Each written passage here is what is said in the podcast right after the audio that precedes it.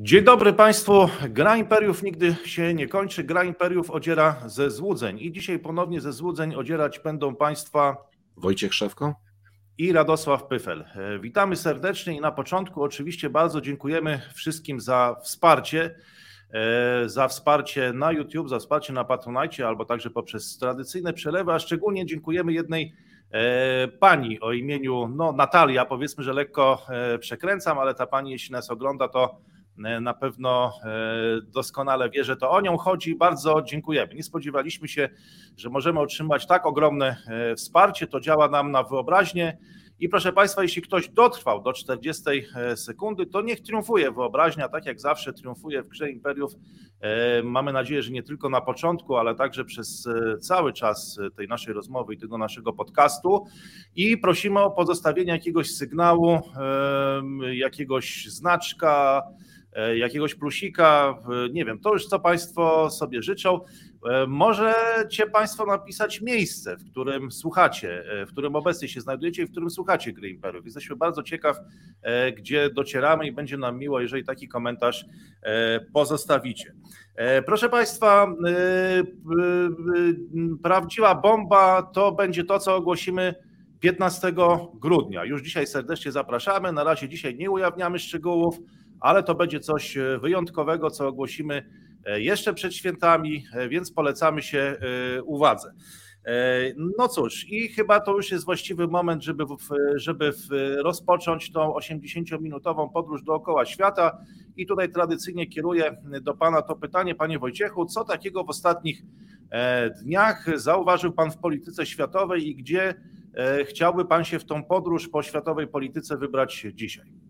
Znaczy, ja bym się chciał wybrać w dwa miejsca, wbrew pozorom e, na początku, no nie na wschód, tylko na zachód, e, ponieważ e, ta próba puczu udaremniona w Niemczech to jest też tą no, wyjątkowo ciekawa z punktu widzenia ideologii organizacji ekstremistycznych, a być może Państwo wiecie, być może nie, ale to jest jeden z przedmiotów, których ja uczę właśnie, czyli ideologii organizacji terrorystycznych, ekstremistycznych i tak dalej. Także dla mnie tego typu organizacja to jest po prostu coś ciekawego do omawiania ze studentami, ideologia, struktura, pomysły, skąd się wywodzi, co chciała zrobić i tak dalej.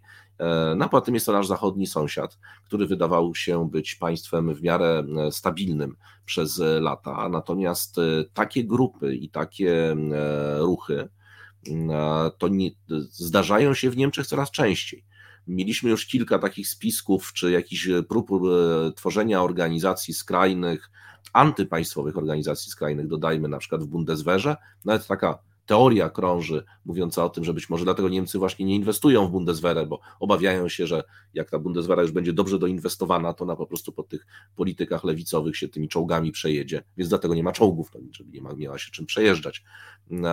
E, to jest jak gdyby jedno miejsce. No a drugie, no to już jest tradycyjnie, ponieważ e, mamy nowego kalifa państwa islamskiego i temu kalifowi państwa islamskiego e, kolejne wilajaty, czyli kolejne województwa składają baja, a jednocześnie zmieniła się również w dużej mierze taktyka państwa islamskiego, jak za dotknięciem czarodziejskiej różdżki.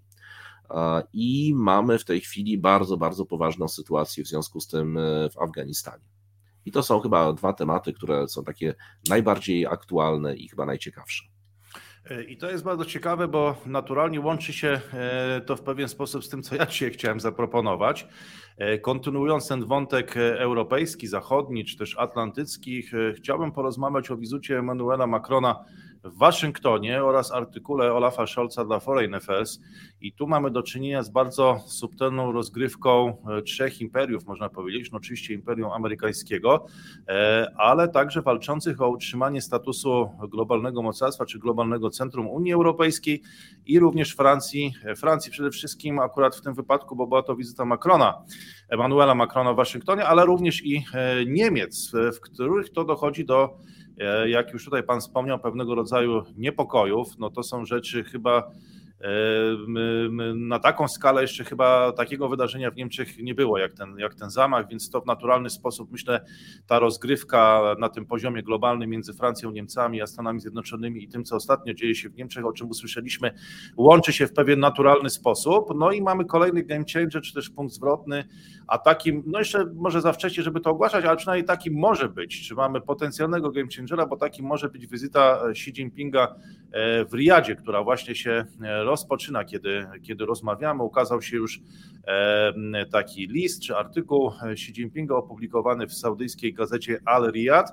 E, I tutaj przede wszystkim relacje Arabii Saudyjskiej i i Chin, ale także ma być szczyt państw arabskich Chiny i szczyt Chiny, kraje Zatoki Perskiej, więc tutaj no, bardzo wiele będzie istotnych, istotnych kwestii, które zostaną omówione, pewnie istotnych umów, które zostaną podpisane.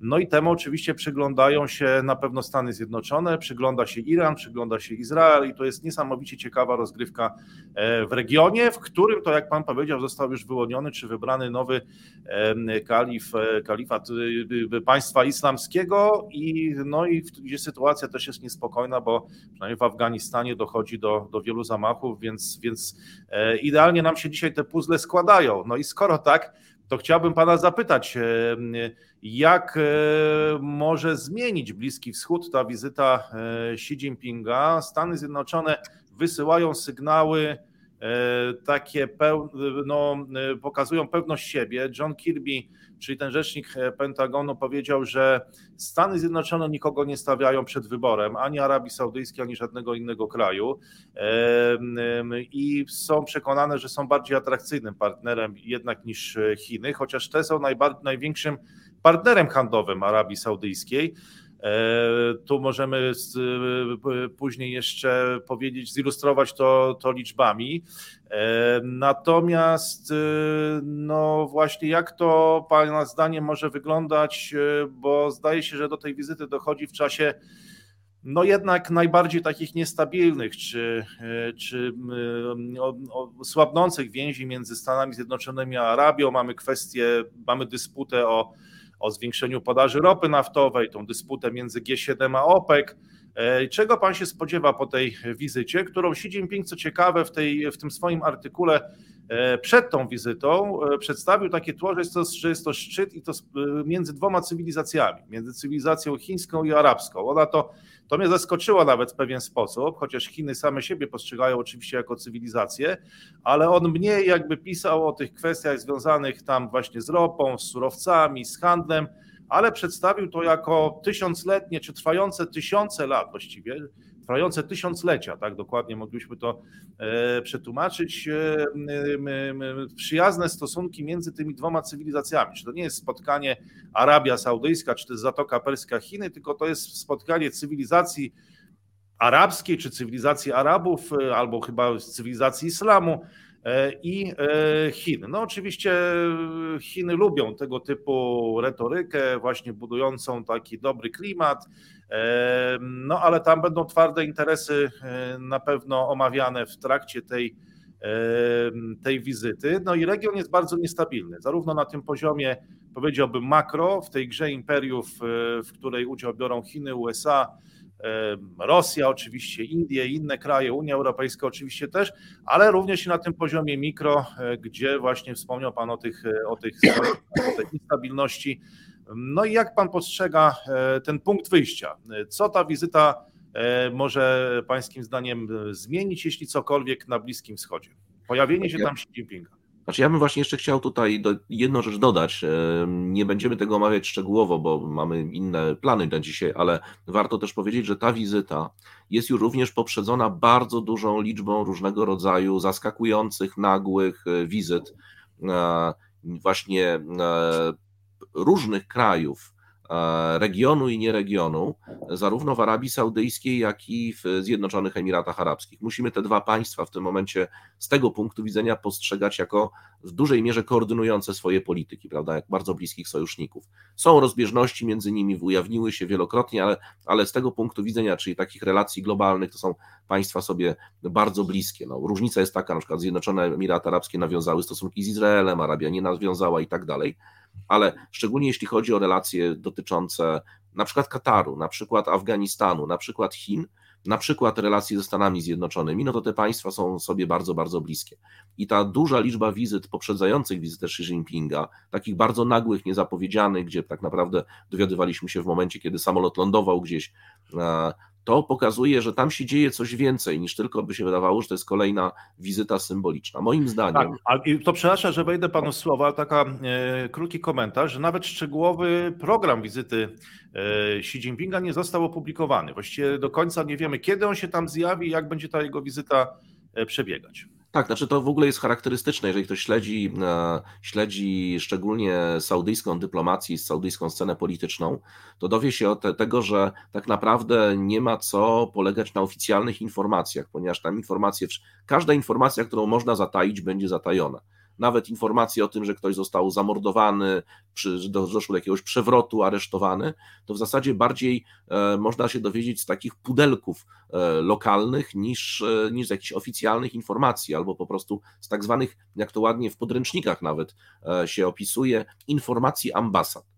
Czyli krótko mówiąc, co tam szpieg w notatce napisał, to to się dopiero pojawia gdzieś w prasie międzynarodowej. Więc, e, więc taki sposób, taki brak na przykład oficjalnych komunikatów, nawet z, z różnych spotkań na szczycie, no to jest w zasadzie standardem. A jeżeli już są, to są tak nic nie mówiące, że w zasadzie większość to jest wymienienie tytulatury tych, którzy się spotykają, a potem omawiali ważne kwestie, prawda? No myślę, że akurat Chiny to nie będą krajem, który będzie specjalnie naciskał na to, żeby, e, żeby wszystkie te e, rozmowy toczyły się w świetle kamer, więc tym tak, bardziej możemy się spodziewać E, tutaj, tutaj się spotkają dwie, dwie, kultury, które prawdopodobnie możemy się spodziewać równie dobrze komunikatu pod tytułem rozmawiano o ważnych kwestiach dla obu stron, tak? I to już będzie maksymalny poziom szczegółowości, ale moim zdaniem, patrząc się na te wszystkie ruchy, które są wykonywane, szczególnie przez Arabię Saudyjskie, Arabię Saudyjską, wobec e, no jednak konfliktu ze Stanami Zjednoczonymi, bo nawet jeżeli obie strony mówią, że żadnego konfliktu nie ma, to wiemy, że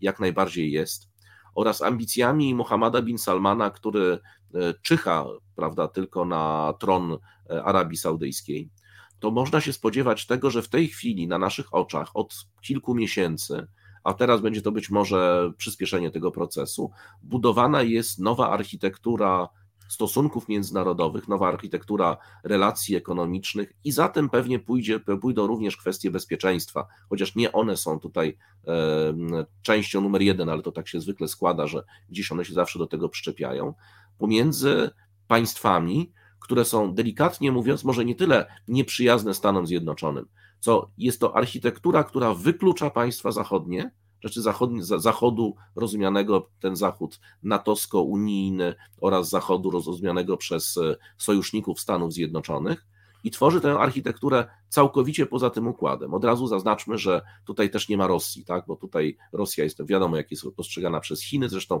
przez Arabię Saudyjską jest postrzegana dosyć podobnie albo jeszcze gorzej. Jakby nie było, przez Saudyjczycy sponsorowali różnego rodzaju ruchy dżihadu, które zwalczały Rosjan i ich sojuszników znowu. Więc to jest moim zdaniem coś takiego się właśnie, coś takiego powstaje. I szczególnie ta wizyta Szyi w Arabii Saudyjskiej, zakładam, że będzie bardzo, bardzo wieloaspektowa. Czyli ona nie będzie tylko dotyczyła, znaczy nawet jeżeli będą to ceremonialne spotkania i będzie dotyczyła generalnie kwestii politycznych, to robocze spotkania, o których pewnie nie dowiemy się albo dowiemy się poprzez dopiero rezultaty, będą dotyczyły wielostronnej współpracy, zacieśnienia tej współpracy w dziedzinie szczególnie energetyki, ale również y, być może też y, polityki bezpieczeństwa, ponieważ e, dla Arabii Saudyjskiej Stany Zjednoczone są istotne przede wszystkim ze względu, jak, ze względu na dostawy broni i zabezpieczenie bezpieczeństwa, fizycznego bezpieczeństwa Arabii Saudyjskiej, tak, szczególnie przed na przykład atakiem z Iranu. E, stworzenie Entente Cordial czyli dostawy różnego rodzaju chińskiego sprzętu, chińskich inwestycji, oraz być może wspólne przedsięwzięcia inwestycyjno-infrastrukturalne w różnych krajach. To może być ten kierunek, w którym cię ta współpraca będzie rozwijała. Proszę zwrócić uwagę, że Arabia Saudyjska, podobnie jak Zjednoczone Emiraty, no są, można powiedzieć, uniwersalnymi maszynami do tworzenia pieniędzy. Prawda? To są państwa, które rzeczywiście generują permanentnie e, mm, nadwyżkę budżetową, permanentnie zarabiają dziesiątki miliardów dolarów, które później inwestują w różne, na różne sposoby, ale głównie jeżeli już do, dochodzi do inwestycji, to zwykle przelewami pieniężnymi, różnego rodzaju datkami e, dla krajów arabskich, dla krajów islamskich, dla e, propagacji islamu na przykład, ale to nie są, nie są zdolne na przykład Zjednoczone Emiraty Arabskie czy Arabia Saudyjska wybudować w jakimś kraju kolei czy wybudować autostrady. To jest coś, co potrafią znakomicie robić Chińczycy. W związku z tym, gdyby doszło do synergii tych dwóch e, potęg, no to rzeczywiście Zachód może mieć problem, ponieważ tutaj nie będzie miejsca dla Zachodu w tego typu architekturze. No to jest rzeczywiście bardzo e, ciekawe, bo na dobrą sprawę to jest coś, co nie rozpoczęło się w, e, wczoraj. Tak. E, to jest już długi proces i jeżeli spojrzymy na te dane ekonomiczne, no to Arabia Saudyjska, będąca największym na świecie eksporterem ropy, więc jednym z czołowych krajów o czym jeszcze wspomnimy, bo jednak tutaj wprowadziłbym te inne mocarstwa, czyli Rosję, Iran i przede wszystkim Stany Zjednoczone do tej rozgrywki saudyjsko-chińskiej. Arabia Saudyjska, będąc największym na świecie eksporterem ropy, jest ich najważniejszym klientem i odbiorcą jednej czwartej właściwie tego saudyjskiego eksportu są, są Chiny. I 18% całkowitych chińskich zakupów ropy to Arabia, Arabia Saudyjska, więc to pokazuje, jak bardzo blisko związane są e, ze sobą te, e, te kraje. Dodatkowo, e, no oczywiście, tak jak Pan powiedział, to są wszystko pogłoski i bardzo trudno je potwierdzać, czy to w saudyjskich, czy chińskich mediach, które potem cytują media międzynarodowe takie jak CNN, ale tam ma dojść do współpracy również w budowie miasta nowej generacji. Nawet o tym się o tym się mówi. To będzie takie futurystyczne miasto Neom E, i tam ma dojść do współpracy w technologii, w technologiach inwigilacyjnych. Tym zainteresowana jest też Arabia e, Saudyjska, co nie bez pewnej satysfakcji e, powtarzają też media międzynarodowe. No ale właśnie mamy do czynienia z ciekawą sytuacją, bo E, bo tak, Amerykanie mówią, że oni są pewni, że są dobrze uplasowani, tak powiedział John Kirby, czyli rzecznik Pentagonu, i oni się nie obawiają tej rywalizacji, czyli twierdzą, że Arabia Saudyjska i tak będzie musiała prędzej czy później e, zaprzestać tej dywersyfikacji swojej polityki zagranicznej, albo przynajmniej ją ograniczyć, e, czyli że nie tak łatwo można tutaj, jak pan to określił, no wyeliminować czy wypchnąć wpływy E, krajów zachodnich, no w tym oczywiście e, USA, choć one też dyskutują teraz z Niemcami i z Francją, jak to ma wyglądać, ale już mówmy tutaj o USA tylko. E, mhm. I teraz, jeżeli popatrzymy na tą architekturę, kształtującą się architekturę stosunków międzynarodowych w regionie, no to są dwie kwestie, gdzie Amerykanów będzie ciężko jednak wypchnąć, bo tak, pierwsza kwestia no to jest kwestia tej ropy i to co, i tutaj wchodzi Rosja jakby, tak, bo wszystko to, co dzieje się na forum OPEC, którego Rosja też jest członkiem, tak? czy, czy, czy, czy nawet OPEC, tylko gdzie tutaj głównym, jednym z głównych aktorów jest Arabia Saudyjska, no to Rosja w jakiś tam sposób na tym korzysta. I te kraje, czy dotyczy to Rosji również, bo rozluźnia sankcje, które na Rosję są nakładane przez Stany Zjednoczone i, i kraje Unii Europejskiej. I teraz, mimo zabiegów USA o zwiększenie podaży surowca, o zwiększenie podaży ropy, ze względu na zakłócenia wywołane no, tą inwazją Rosji na Ukrainę, OPEC Plus e, w tą niedzielę uzgodnił, że ograniczy, ograniczy jednak produkcję ropy o 2 miliony baryłek dziennie i to do końca 2023 roku. No skoro tych, e, tej ropy na rynku będzie mniej, mniejsza będzie podaż, no to oczywiście ona będzie e, w pewien, no na pewno droższa. To możemy się spodziewać na stacjach benzynowych na terenie całego. Przepraszam? Lub nie tańsza. No lub nie tańsza, tak, lub nie tańsza, tak. Czyli będzie jak to w matematyce ten znaczek, że y, większe lub równe, większe lub tak równe. Tak, taki znaczek możemy sobie już teraz chyba zapisać po tej decyzji, po tej decyzji y, OPEC. Ale jest jeszcze kwestia sprzedaży y, broni i tutaj na przykład Zjednoczone Emiraty Arabskie zdecydowały się zamówić z Chin w tym roku 12 lekkich samolotów szturmowych L-15 z opcją zakupu kolejnych 30 kilku, 36 zdaje się, tam mówi się o takiej liczbie. I teraz pytanie jest, no jak w tych, że tworzą się takie trójkąty w regionie, bo tak, bo Chiny mają, są blisko związane z Arabią Saudyjską przez te relacje handlowe. To już powiedzieliśmy, ale są też blisko związane z Iranem. Natomiast Iran no, jest jednym z głównych wrogów Arabii Saudyjskiej i, i Chiny prowadzą politykę, można powiedzieć, że symetryczną, robią biznes z Arabią Saudyjską i utrzymują dobre relacje z jej największym wrogiem Iranem. W przeciwieństwie do Stanów Zjednoczonych, bo te mają bardzo złe relacje z Iranem, ale niezłe, oczywiście niezłe, no tak możemy to powiedzieć, z e, Izraelem, no z którym z kolei Arabia Saudyjska jakoś przynajmniej bardziej się dogaduje niż z Iranem. I teraz jak pan e, widzi wyjście z tych nakładających się na siebie trójkątów? No, czy w pewnym momencie Saudowie, czy książę Bin Salman powie, e, no to nie, no to jak wy robić, robicie biznesy z Iranem, to my się jednak będziemy trzymać Izraela i Stanów Zjednoczonych? Czy on w ogóle, czy, czy Saudowie w ogóle stwierdzą, e, no okej, okay, że każdy sobie tutaj rysuje takie trójkąty, jakie chce, a my po prostu robimy biznes e, z Pekinem i, e, i przymykamy na to wszystko oczy, bo to nie jest zabawa w jakieś esy, floresy i kreślenie tutaj figur geometrycznych, tylko, tylko biznes widzimy w tym, e, żeby po prostu realizować te projekty, sprzedawać ropę po jak najlepszych dla nas cenach i na jak najlepszych warunkach no jak, jakie pan widzi wyjście z tej gęstwiny nakładających się na siebie figur geometrycznych na tym obszarze? O, to tak, to nie będzie takie, takie prosta, taka prosta odpowiedź, no, ale w skrócie, tak. spróbujmy, tak. Więc przede wszystkim ja sądzę, że tutaj są to trochę rozdzielne płaszczyzny współpracy. Wydaje mi się, że to zbliżenie saudyjsko-chińskie to jest takie zbliżenie, można by powiedzieć, trochę sankcji odporne, czyli budowa pewnych relacji ekonomicznych, których no, przede wszystkim Chiny są zainteresowane czym? No, dostawami surowców, a przede wszystkim surowców energetycznych.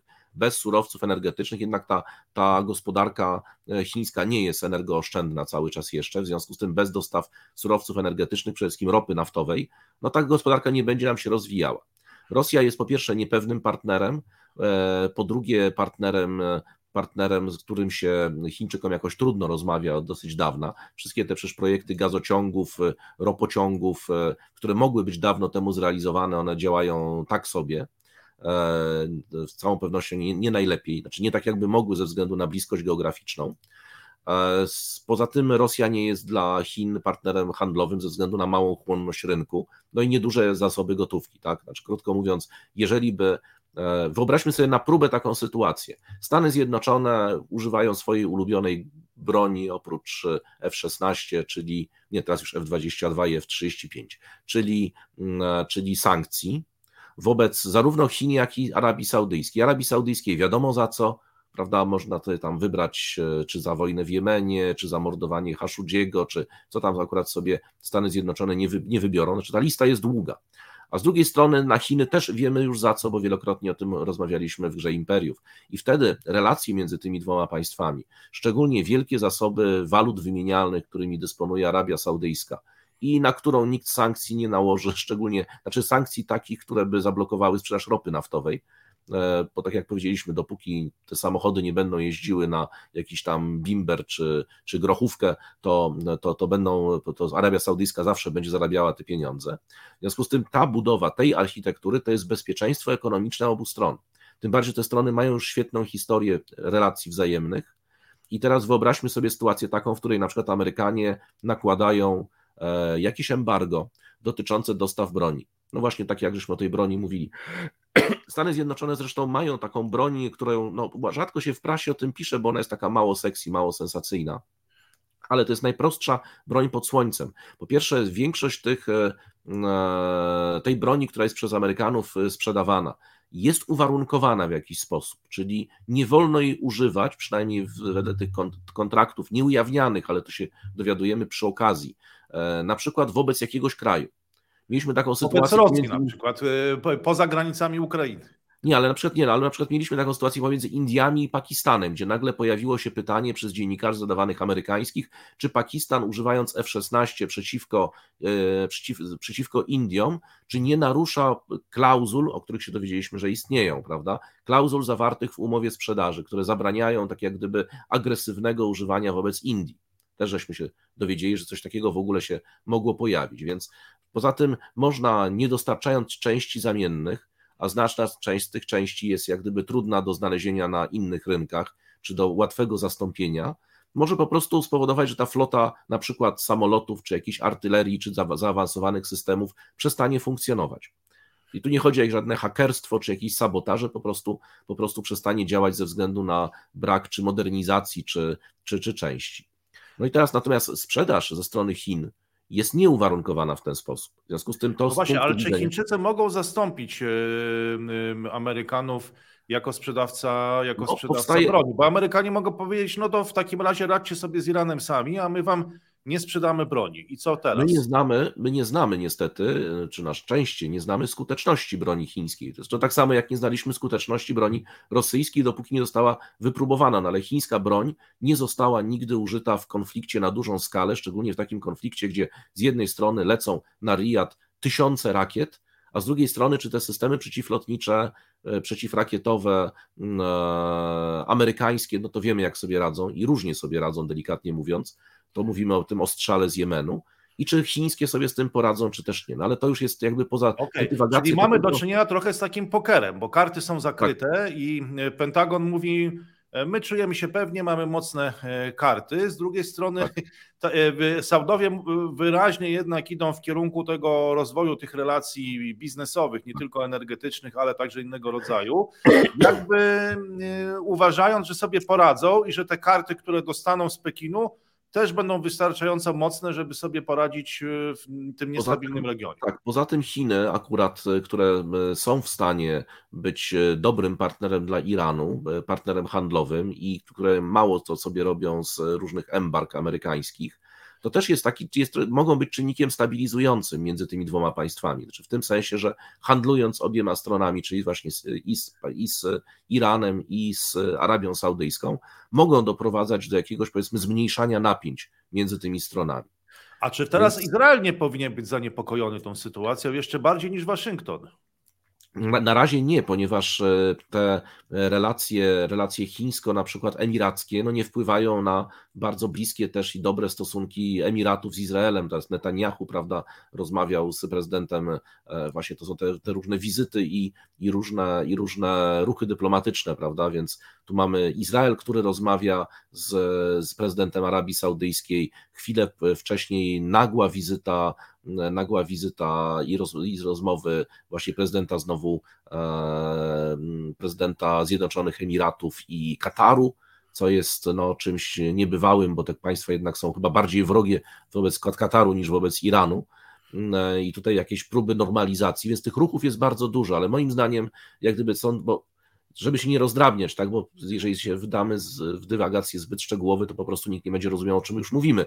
Pierwsza podstawowa linia to moim zdaniem jest ta właśnie współpraca, można powiedzieć, antysankcyjna, czyli tworzenie, tworzenie jakiejś przestrzeni gospodarczo, gospodarczej, a i też trochę wojskowej, ale wojskowej w sensie właśnie dostaw broni na przykład nowoczesnej, która jest w stanie zmniejszyć wrażliwość tych krajów na sankcje amerykańskie i szerzej na sankcje zachodnie. I moim zdaniem to jest bardzo proste do zrobienia, bo Chiny jednak dysponują dostatecznie nowoczesnymi e, technologiami, maszynami, urządzeniami, elektroniką, która z powodzeniem może zastąpić e, te, które są potrzebne w Arabii Saudyjskiej czy też w Emiratach. Również te zakupy lekkich samolotów, które pewnie za chwileczkę zobaczymy na wojnie w Jemenie. No dlatego są, wystarczą takie, e, ponieważ Jemen po prostu nie dysponuje, nie dysponuje lotnictwem a i powiedzmy sobie szczerze, tak samo Iran, prawda, to, to, jego lotnictwo to już jest takie latające muzeum techniki, bo to są jakieś tam F4 stare i tym podobne, jeszcze nie wiadomo czy, czy i na ile sprawne, więc tutaj ta amerykańska, taka najbardziej zaawansowana broń e, nie musi koniecznie być e, potrzebna, przynajmniej w tej chwili. Jeżeli mówimy za, natomiast, e, więc ta, ta, architektura moim zdaniem staje się faktem, tym bardziej, że jeżeli dobrze zauważyłem, to na tym szczycie mają być tacy, bardzo ciekawi obserwatorzy, bo jakieś państwa z Afryki i Kambodża tam się zdaje mi się przewinęła, więc, która ma obserwować te, ten, ten szczyt, więc to jest taki, to pokazuje, że te interesy być może wykraczają całkowicie poza, e, poza te relacje dwustronne. Natomiast jeśli chodzi o Izrael, no to Izrael ma w tej chwili, po pierwsze będzie miał za chwilę nowy rząd, więc ma perspektywę konfliktu na wszystkich frontach, jeżeli ten rząd będzie robił to, co zakłada się, że będzie robił. Chociaż notabene Netanyahu, który występuje jako lewak w tym rządzie, to to jest rzeczywiście, to pokazuje, jaki to jest rząd. Po drugie, e, mamy e, jednak zacieśniające się relacje z, ze Zjednoczonymi Emiratami. A moim zdaniem, jeżeli Mohammed bin Salman przejmie władzę, czyli no jego ojciec umrze, bo jego ojciec jest już stary, zresztą niesamowicie schorowany, to, że on się w ogóle trzyma, funkcjonuje i to aktywnie, to jest rzeczywiście jakiś ewidentny cud, bo już wielokrotnie mówiono, prawda, to już były wielokrotnie sensacje, że on po prostu przez dwa dni się nie pojawiał i to jest od razu sensacja, że on pewnie nie żyje, więc tutaj ten Muhammad bin Salman może być pewny tego, że no wcześniej czy później, a pewnie wcześniej przejmie tron. I wtedy Izrael ma perspektywę również normalizacji stosunków e, z Arabią Saudyjską, bo Muhammad bin Salman do tego dążył i to dążył intensywnie. Natomiast no, w takiej perspektywie mamy też e, zagrożenie dla bezpieczeństwa samej Arabii Saudyjskiej, możliwość jakiegoś powstania, rewolucji czegoś takiego, co już obserwowaliśmy tutaj parę razy, jakiejś rewolucji wahabickiej i wtedy Arabia Saudyjska będzie potrzebowała sojuszników, będzie potrzebowała broni.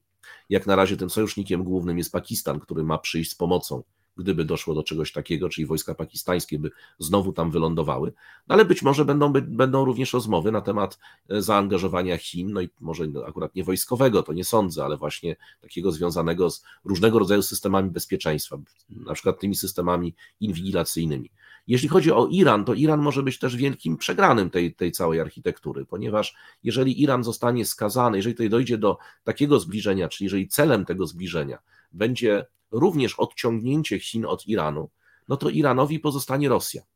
A z całym szacunkiem, ale Rosja, a Chiny to nie, nie, ma w ogóle porównania, jeśli chodzi o chłonność rynków, o możliwość zapewnienia dostaw nowoczesnego sprzętu. Zresztą Rosja jest sama objęta embargami, więc może kupować e, drony sobie od, e, od, e, od Irańczyków. Irańczycy mogą kupować jakieś e, być może technologie nuklearne od, od Rosji, ale niewiele więcej części zamiennych do samolotów w Rosji nie kupią po prostu.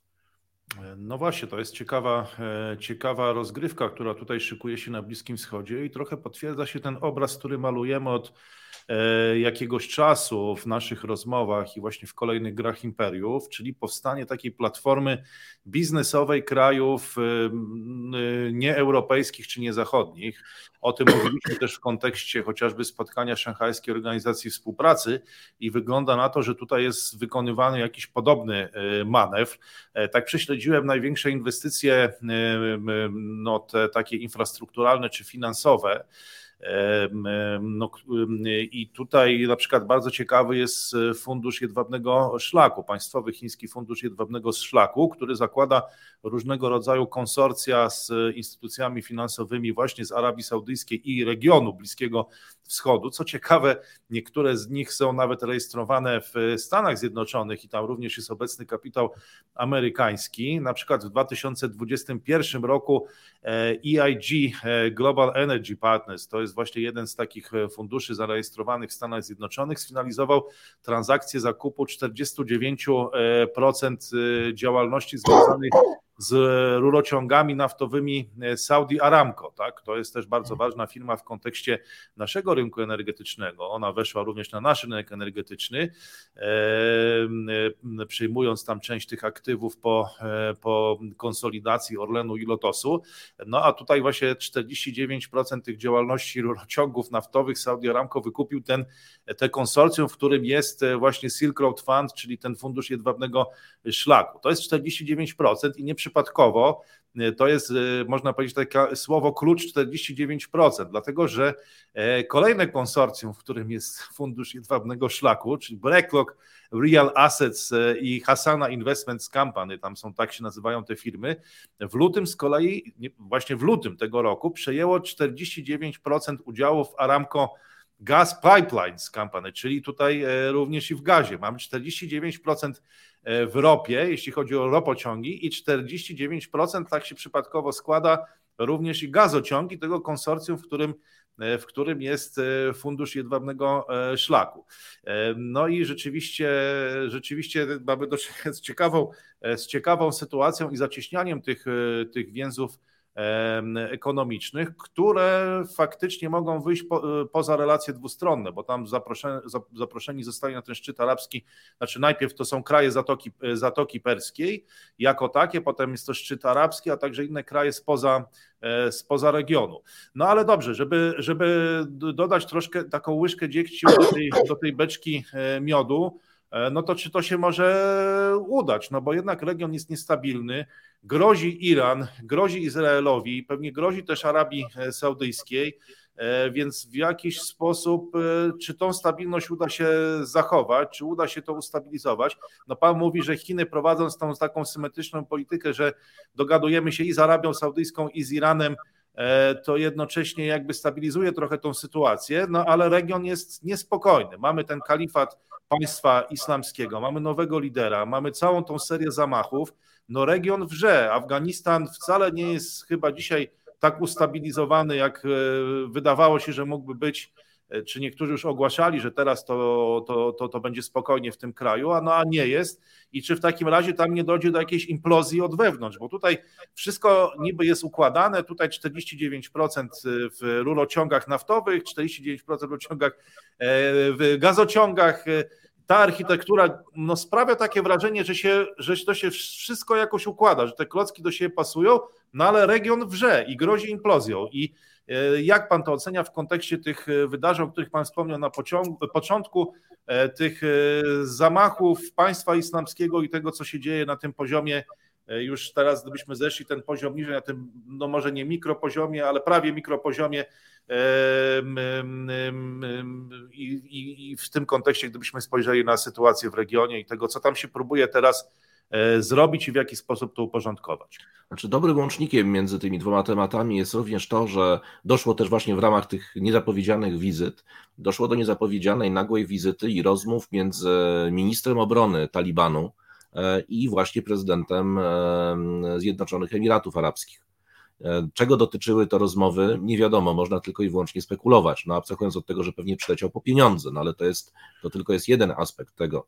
Natomiast są również inne i właśnie o tym warto byłoby powiedzieć. No po pierwsze, jeżeli chodzi o sam Afganistan, jeszcze abstrahując od państwa islamskiego, to Afganistan obiecał państwom sąsiednim, że nie stanie się jakby źródłem destabilizacji i nie będzie e, domem, prawda, nie będzie bazą dla organizacji terrorystycznych, które miałyby atakować kraje sąsiednie.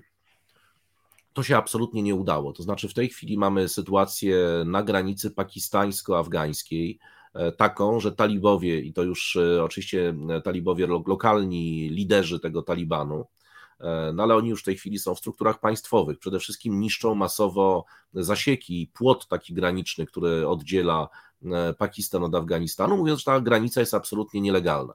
I głosząc e, tezę, że wszystkie ziemie pasztuńskie mają być zjednoczone, no oczywiście przyłączone do Afganistanu właśnie, to jest e, tak na marginesie, to się nie ma nijak z takimi wielkimi zresztą ruchami pasztuńskimi w tej chwili, takim jest taki ruch na rzecz niepodległości Pasztunistanu, który jest bardzo mocno antyterrorystyczny właśnie, antytalibski, i to przeciwko zarówno Talibanowi, temu pakistańskiemu, jak i, jak i afgańskiemu. E, no ale to się w tej chwili dzieje z terytorium Afganistanu. Co więcej, e, no liczba ofiar wśród, e, wśród funkcjonariuszy bezpieczeństwa czy, czy żołnierzy pakistańskich, no to już dziennie dochodzi do kilku, kilkunastu osób. Więc to już przestały być jakieś pojedyncze wypady terrorystyczne i sytuacja jest najgorsza moim zdaniem od prawie że 20 lat gdzie udało się państwo, e, gdzie, udaje, gdzie udało się Terik i Taliban Pakistan, czyli ten Pakistan, e, ten, ten Taliban pakistański zlikwidować praktycznie całkowicie i wprowadzić suwerenność e, pakistańską na całym terytorium Pakistanu, bo tam była jeszcze kwestia taka, że były takie część Pakistanu, na którym Pakistan niby był, to była to część terytorium, ale nie obowiązywała konstytucja, tylko lokalne prawo plemienne. To są właśnie tak zwane FATA, prawda, czyli takie agencje E, administrowane federalnie i zawsze było to właśnie źródło Al-Kaidy, Talibanu i tak dalej. To zostało zlikwidowane. W tej chwili ten cała architektura zniknęła, nawet w Dolinie Swat. Dolina Swat, nie wiem czy Państwo pamiętacie e, Malule Yusufzai, taką dziewczynę, która dostała e, Nagrodę Nobla, która została tam za uczenie właśnie dziewcząt na terytoriach objętych przez kontrolę, kontrolę właśnie tego Talibanu, gdzie Mulana Fazlullah, czyli lider tego Talibanu, tego Talibanu w Doliny Słat wydał na nią wyrok śmierci, prawda, wtedy próbowano ją zastrzelić. No więc ciekawostka jest taka, że w Dolinie Słat mamy znowu Taliban po bardzo, bardzo długim okresie czasu. Zresztą Dolina Swat jest przepięknym miejscem i w ogóle takim krajem mlekiem i miodem płynącym, jeśli chodzi o rolnictwo, krajobrazy i to w ogóle pewnie byłby raj turystyczny, gdyby właśnie nie Taliban tam lokalnie. Więc ten Taliban się po wielu latach w tej Dolinie Swat e, znowu nam się pojawił. E, więc to jest jak gdyby pierwszy aspekt tej sprawy. Tam kilkukrotnie dochodziło do mordów znowu liderów Talibanu na terytorium Afganistanu, ja mówimy cały czas o pakistańskim, gdzie wskazywano, że to po prostu służby pakistańskie wykonują te wyroki. Nawet są takie tezy mówiące o tym, że Pakistan powinien uderzyć prewencyjnie na Afganistan, a na pewno bombardować, co zresztą już parę razy robił, bazy, które są Talibanu tego pakistańskiego na terenie Afganistanu. Tyle tylko, że ten Taliban pakistański z terytorium Afganistanu już przekroczył granicę, znaczy on już w tej chwili znajduje się w Pakistanie i bardzo dobrze sobie, jak widzimy, radzi. Więc to, ta granica jest maksymalnie niestabilna w tej chwili i do jakiegoś przesilenia może dojść. To jest teren bardzo trudny, to jest teren idealny dla partyzantki. E, jest faktem, że raz udało się zlikwidować ten taliban e, pakistański, no ale to była, to była taka słynna operacja ZARP i ASB, tam ciesząca się ogromnym poparciem społecznym, ale ona polegała mniej więcej na tym, że armia pakistańska po prostu okrążała jakiś region, następnie wypuszcza, pozwalała ludziom wyjść, oni się musieli zarejestrować. To chodziło o łapanie tych zagranicznych bojowników, czyli pobierano odciski palców, robiono zdjęcia, nadawano PESEL tamtejszy ludziom, a cała reszta, która zostawała, uznawano, że to jest Taliban, po prostu i mordowano wszystkich, bombardowano i tyle, prawda? I tak zlikwidowano wtedy ten TTP, on rzeczywiście został zlikwidowany całkowicie. Ci, którzy przeżyli, uciekli do Afganistanu, no ale właśnie w Afganistanie talibowie wypuścili ich wszystkich z więzień. Oni w tej chwili wracają w liczbie kilku do kilkunastu tysięcy żołnierzy. To już nie jest mała siła. To jest jakby ta sytuacja w Afganistanie w tym miejscu. No i drugim aspektem, znowu, który jest problemem dla Talibanu, znowu afgańskiego, to jest państwo islamskie. Państwo islamskie po zabiciu poprzedniego lidera, w, notabene w ciekawym miejscu, bo w Darze w Syrii, czyli przy granicy jordańskiej, takie dosyć niezwykłe miejsce na lokalizację e, lidera państwa islamskiego, bo większość z nich funkcjonowała raczej w północnej Syrii, czyli przy granicy tureckiej. W tej chwili nowy e, lider to się nazywa e, Abu Hussein al-Hussein al-Quraishi. Quraishi to dlatego ten przydomek jest podkreślany, żeby mówić, że pochodzi z plemienia Kuraszytów, czyli z tego, z którego pochodził Mahomet którzy notabene kuraszyci go najbardziej zwalczali, to oni spowodowali, że musiał uciekać, prawda, z Medyny do na Jasribu, który od tej pory się nazywa, znaczy z Mekki do Jasribu, który od tej pory się nazywa Al-Medina Al-Nabi, prawda, czyli Medyna. No tak na marginesie, więc to jest takie podkreślanie pochodzenia od tego, od tego plemienia Mahometa. E, no i mamy zmianę, w tej chwili mamy festiwal e, tak zwanych baja, czyli przysięg lennych, byśmy powiedzieli, czyli przysięg wierności nowemu kalifowi. No trochę tak jak wtedy, kiedy król nastawał w e, państwach chrześcijańskich, to wszyscy szlachcice składali właśnie po raz kolejny tą przysięgę, znaczy lennicy składali przysięgę lenną, przysięgę wierności. I tak mniej więcej to wygląda w kalifacie. Wszyscy, czy poprzez swojego lidera, czy sami indywidualnie składają owe baja, prawda, czyli podporządkowanie się, mówią, że są wasalami, prawda, tegoże, tegoże kalifa. To, co jest ciekawe, to to, że ten festiwal tych baja, ja zresztą będę publikował na Twitterze, jak już zbiorę wszystkie, bo tak jak te wszystkie wilajaty się opowiedzą, jest bardzo ciekawy, ponieważ szczególnie w tak, pojawiło się kilka nowych wilajatów, których nie było wcześniej. Wilajat to jest województwo i to, to chyba dosłownie można byłoby to tłumaczyć w ten sposób. E, natomiast, e, żeby państwo islamskie stworzyło gdzieś wilajat, to państwo, ta organizacja musi dysponować naprawdę bardzo dużą siłą wojskową, taką, która, i być w stanie prowadzić operacje wojskowe niezależnie. Więc mamy na przykład, mieliśmy wilayat Khorasan kiedyś, w tej chwili mamy wilayat Khorasan i uwaga, wilayat Pakistan. Czyli w Pakistanie liczba członków państwa islamskiego jest do tego stopnia duża, że można było stworzyć dla nich osobne województwo. Państwo islamskie nigdy do tej pory nie robiło tego jak gdyby a forfait, prawda? Nie, no dobrze, ale Pakistan to jest jednak ogromny kraj. Jest Lahore, jest Islamabad, jest Karachi i to jest jeden, tak. jeden, jedno województwo, jeden harat dla, dla, dla całego kraju?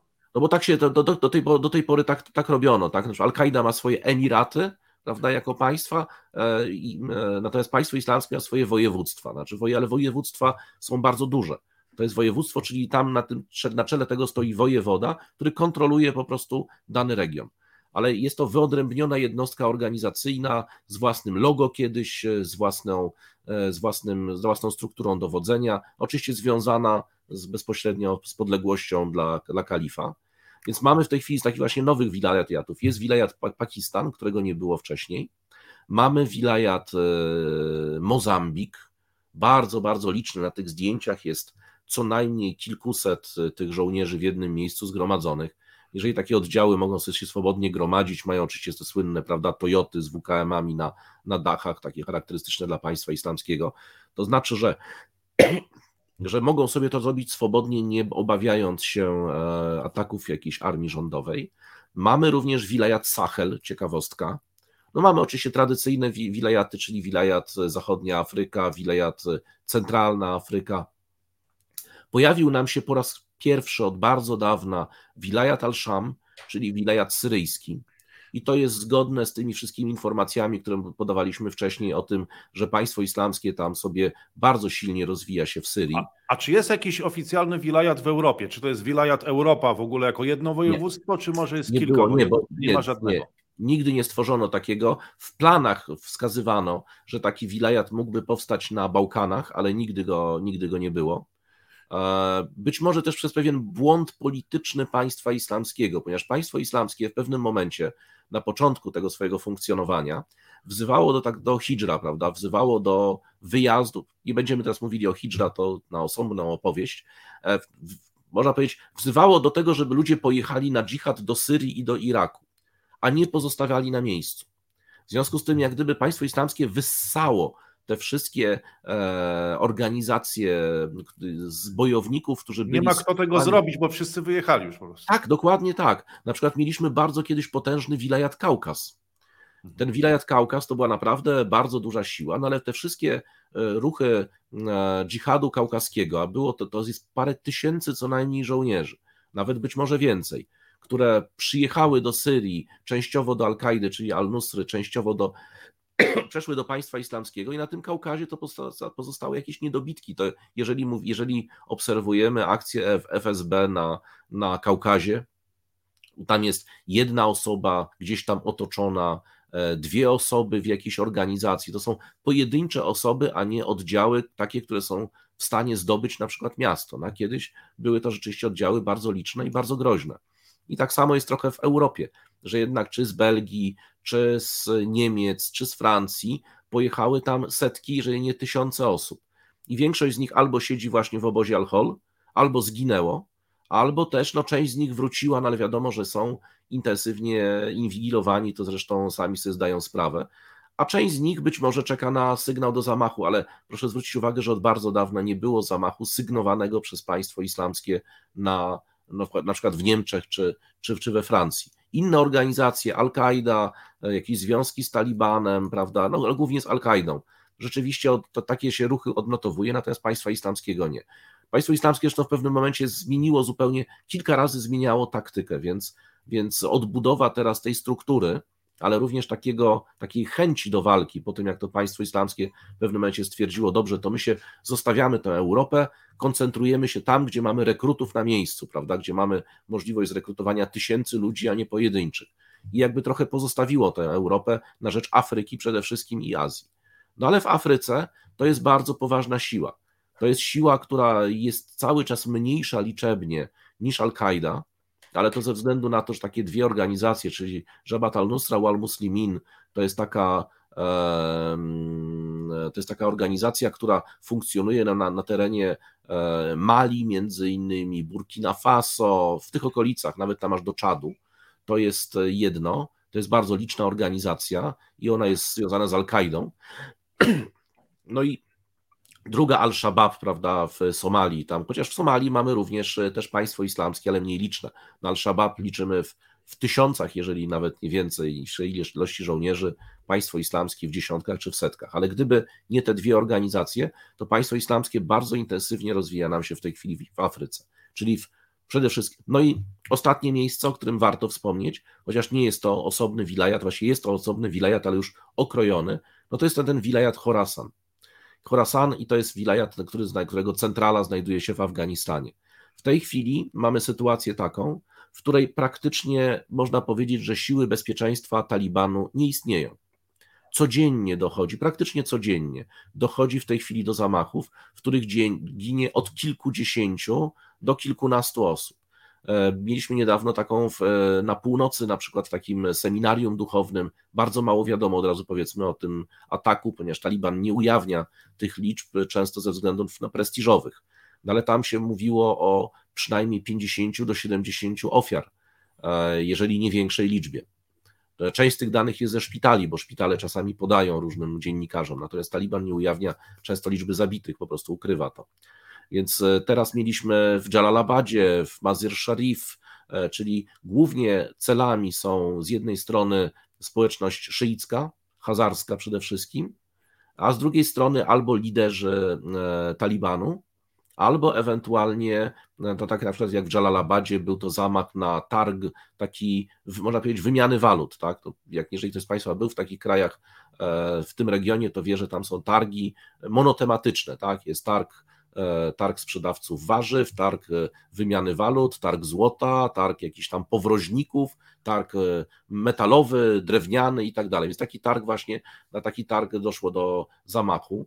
Tam chyba kilkanaście osób było rannych, przynajmniej dwie zabite, ale państwo islamskie ujawniło, że celem jak gdyby tego ataku jest, byli szpiedzy pakistańscy, prawda? I że oni obaj zginęli w czasie tego zamachu. Więc to mamy też tego typu sytuacje. Mieliśmy ostatnio na Gulbuddina Hekmatiara e, atak, e, to już jest e, nasty chyba atak na niego, więc on ma historię od zawsze przeżywania ataków, no ale też mieliśmy dwóch żołnierzy państwa islamskiego z pasami Shahida, którzy próbowali przedrzeć się do meczetu kontrolowanego przez tą organizację Gulbuddina, czyli Hizbi Islami. Oni zostali zatrzymani, znaczy to też szapoba przed gwardią tego Hekmatiara, że potrafili rozpoznać zamachowców, samobójców i zabić ich, zanim oni się wdarli do meczetu i wysadzili w powietrze. To też to nie, nie każda służba na świecie potrafi. Znaczy większość nie potrafi, krótko mówiąc. A to jest tak, tam to zwiększa przeżywalność. No, ale tak czy inaczej, no to są te zamachy tego typu, czyli to również na takie osoby no, już na wysokim, o, o wysokim profilu, nie tylko na cywilów, zdarzają się do tego stopnia często, że można powiedzieć już o załamaniu się całego systemu kontrwywiadowczego Talibanu i o tym, że państwo islamskie niedługo będzie w stanie zrekrutować sobie taką liczbę zwolenników, żeby być może rzucać wyzwania również terytorialne Talibanowi.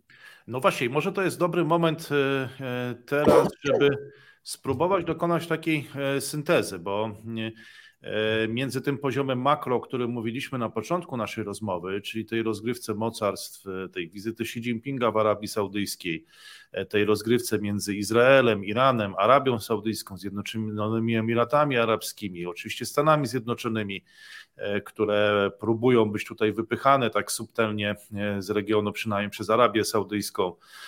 No a tym, tymi niepokojami na granicy pakistańsko-afgańskiej, tym załamaniem się jednak stabilności w Afganistanie, tymi no, nowymi wyrajatami, tak, i tym, nowym kalifatem i tym procesem Baja, tak, czy tym, tym hołdem lennem, jakbyśmy powiedzieli, językiem średniowiecznej Europy. I czy ja dobrze rozumiem, że to scenariusz, który wisi teraz w powietrzu, to jest E, właściwie załamanie się Afganistanu i przejście państwa islamskiego czy tego nowego kalifatu do ofensywy, e, który urośnie, bo on zrekrutuje dużo nowych e, zwolenników, wyznawców i urośnie jako siła polityczna. I teraz, jak ta siła polityczna, jeśli by urosła, to jakby no, kosztem Afganistanu, tak, to jak ona będzie wpływać na sytuację w regionu? Czy ona będzie podgryzać te próby stworzenia nowej architektury, jakim będzie graczem, w którym kierunku to będzie, czy trzeba będzie po prostu wprowadzać chaos, czy ona będzie popierać nowy układ, czy będzie konserwować stary. Jaki tutaj wariant jest najbardziej prawdopodobny? Bo ja nie mogłem się nadziwić w Pakistanie, kiedy widziałem, e, że właściwie tam e, jest kilka rzeczywistości, które e, istnieje jednocześnie, nakładają się na siebie, że jednocześnie buduje się drogi i obiekty infrastrukturalne, a z drugiej strony trwa jakaś też walka pomiędzy poszczególnymi jakimiś frakcjami czy grupami religijnymi. I teraz, co z tego może wyniknąć dla obszaru Bliskiego Wschodu? jeżeli połączymy tą rozgrywkę e, makro, tą, ten, ten koncert mocarstw, czy tą, tą grę mocarstw imperiów, która rozgrywa się na Bliskim Wschodzie, ta walka o tą nową architekturę e, regionalną i to wszystko, co e, się dzieje na tym poziomie mikro, gdzie no, do głosu zaczyna dochodzić państwo islamskie. To jakich scenariuszy się pan spodziewa? Znaczy ja się spodziewam jednego podstawowego scenariusza. No po pierwsze, pamiętajmy, że różnica między Talibanem i państwem islamskim, ona jest dosyć głęboka religijnie, ale jednak państwo islamskie dysponuje zdolnością do bardzo prostego rekrutowania no, członków Talibanu. Przecież całe to państwo islamskie na terenie Afganistanu to są byli talibowie. Więc... Czyli ISIS może bardziej rekrutować talibów niż talibowie ISIS. Tak, to zdecydowanie, to zdecydowanie tak. To w tą stronę ten ruch jest jak. Zresztą tak państwo islamskie się właśnie rozwijało, dokładnie tak, przejmując te kolejne organizacje Al-Kaidy, które od tej pory nazywały się już państwo islamskie Synaju, państwo islamskie środkowej Afryki, prawda, dawniej Boko Haram i tak dalej. E, więc to, ten, ten ruch jest właśnie, i to, to jest celem w tej chwili państwa islamskiego, tak? czyli pokazywanie hipokryzji, prawda, munafikun, prawda, hipokrytów, obnaża, obnażanie talibskich z jednej strony, z drugiej strony pokazywanie słabości Talibanu jako takiego, co ma też sprowokować niepokoje wewnętrzne, no bo jeżeli ci szyici prawda, będą permanentnie prześladowani i ta, e, te, te, gwarancje bezpieczeństwa będą iluzoryczne, no to mogą się zwracać również do innych państw z prośbą o, o pomoc, a mamy parę państw, e, które mogłyby na tą prośbę odpowiedzieć, żeby daleko nie szukać Iran, prawda? Ale ja bym tutaj raczej na to nie liczył. Raczej sądzę, że e, państwo islamskie będzie miało teraz taką taktykę, żeby używać tej fali terroru, pokazywać wysoką skuteczność e, i rekrutować sobie nowych zwolenników, zdobywać sponsorów, zwolenników. Po drugie, żeby eksportować tą destabilizację, przynajmniej w dwóch kierunkach. Po pierwsze, do Tadżykistanu i generalnie na północ, do tych, do tych republik środkowej Azji, E, no ale Tadżykistan jest taki chyba najbardziej obiecujący, jeśli chodzi o również no, skład, krótko mówiąc, personalny trochę państwa islamskiego. Tam Tadżyków było sporo i oni zresztą parę razy tam próbowali budować sobie organizację na terenie Tadżykistanu, więc, ale to nie, nie, nie, nie zawężałbym tego. I drugi kierunek to jest oczywiście Pakistan. Destabilizacja głęboka Pakistanu. I to już ma wpływ na imperium drugie, czyli na Chiny dla których to Chin, Pakistan był znakomitym partnerem, ale w obecnej sytuacji to ja prawdę powiedziawszy mocno obawiam się w ogóle o przyszłość tego portu Gwadar, bo z jednej strony mamy tych Beludżów, z drugiej strony mamy na tym samym terytorium Terikę Taliban Pakistan, czyli właśnie tych Pakist, ten Taliban mm, pakistański, on się bardzo dobrze czuje w Ketcie, Ketta, prawda, w Beludżystanie, a po trzecie mamy jeszcze w, tym, w tych samych miejscach państwo islamskie. I mhm. prawdę powiedziawszy, z punktu widzenia stabilności e, inwestycji, z punktu widzenia, no nie wiem, no chińskiego inżyniera, który miałby tam pracować. No, no tak, China-Pakistan Economic Corridor, czyli Pakistan, tak, dokładnie. ten korytarz inwestycyjny, Pakistan, który stał się właściwie bypassem dla, dla Chin i teraz ten bypass może być odcięty przez... E, tak, no co wiem, znaczy on co prawda i wiedzie również nie tylko przez ten, przez Beludżystan, bo przecież jest też wielki port w Karachi, no ale też Karachi jest specyficznym miastem. No tam jest, to jest miasto e, takie, w którym jak ja sobie mieszkałem, to czasami to, to, to bez, bez kilkudziesięciu serii z Kałasznikowa to człowiek nie zasypiał, bo się, bo się odzwyczajał a i czasami moździerz potrafił popracować sobie, bo tam się różne właśnie mafie, grupy zwalczają również w ten sposób. Tam zresztą mieszka e, co najmniej milion pasztunów, e, z czego przynajmniej 50% związanych z Talibanem e, bezpośrednio i to jednym i drugim. Zresztą liderzy Talibanu, ci ostatni byli łatwani przecież w Karachi, a nie gdzieś w górach na granicy afgańskiej. Mamy Indie, które są żywotnie zainteresowane tą destabilizacją Pakistanu i co więcej, w sposób czynny i nawet się specjalnie nie kryjąc, wspierają przynajmniej Beludżów, No ale to już wystarcza, bo jeżeli ci Beludżowie są tak aktywni, że wiążą większość pakistańskich służb bezpieczeństwa, to tym większą wyrwę się pozostawia i dla państwa islamskiego, i dla tego Talibanu. Więc z tego punktu widzenia już ten wpływ może być. I być może również dlatego, już tak jeżeli sobie możemy pospekulować, bo tego nie wiemy, być może dlatego właśnie Chińczycy dosyć istotnie zwracają się do Arabii Saudyjskiej. Wyczeku, zobaczyli moment, no Arabia Saudyjska wykrusza się z tego żelaznego sojuszu ze Stanami Zjednoczonymi. E, I to widzieliśmy to wielokrotnie, te gesty mocno nieprzyjazne w stosunku do USA no nie pozostawiają wątpliwości. Pakistan, który był tym bypassem, e, staje się coraz bardziej niestabilny. E, Chińczycy nie, nie sądzę, żeby dopuścili do rozlania się czegoś na Xinjiang. Znaczy są gotowi pewnie interweniować zbrojnie prędzej. I co ciekawe, Arabia Saudyjska popiera ich politykę w, w zachodnich Chinach. Co też tak, nie tak, jest tak, tak. Tak, to, to, to, zdecydowanie tak, no tym bardziej, że Arabia Saudyjska też nie jest zainteresowana, ona jest zainteresowana na wspieraniem tych ekstremistów, którzy, którzy są naszymi ekstremistami, tak, a nie obcych ekstremistów. Ta, tamtych ekstremistów popiera na przykład Turcja czy Katar, więc tym bardziej nie, a nie, nie Saudyjczycy. Ale mamy również Indie, które mocno się przyczyniają, dla nich to jest to racją stanu. Znaczy, racją stanu dla Pakistanu było stworzenie, było wyrwanie Afganistanu z rąk amerykańsko-indyjskich.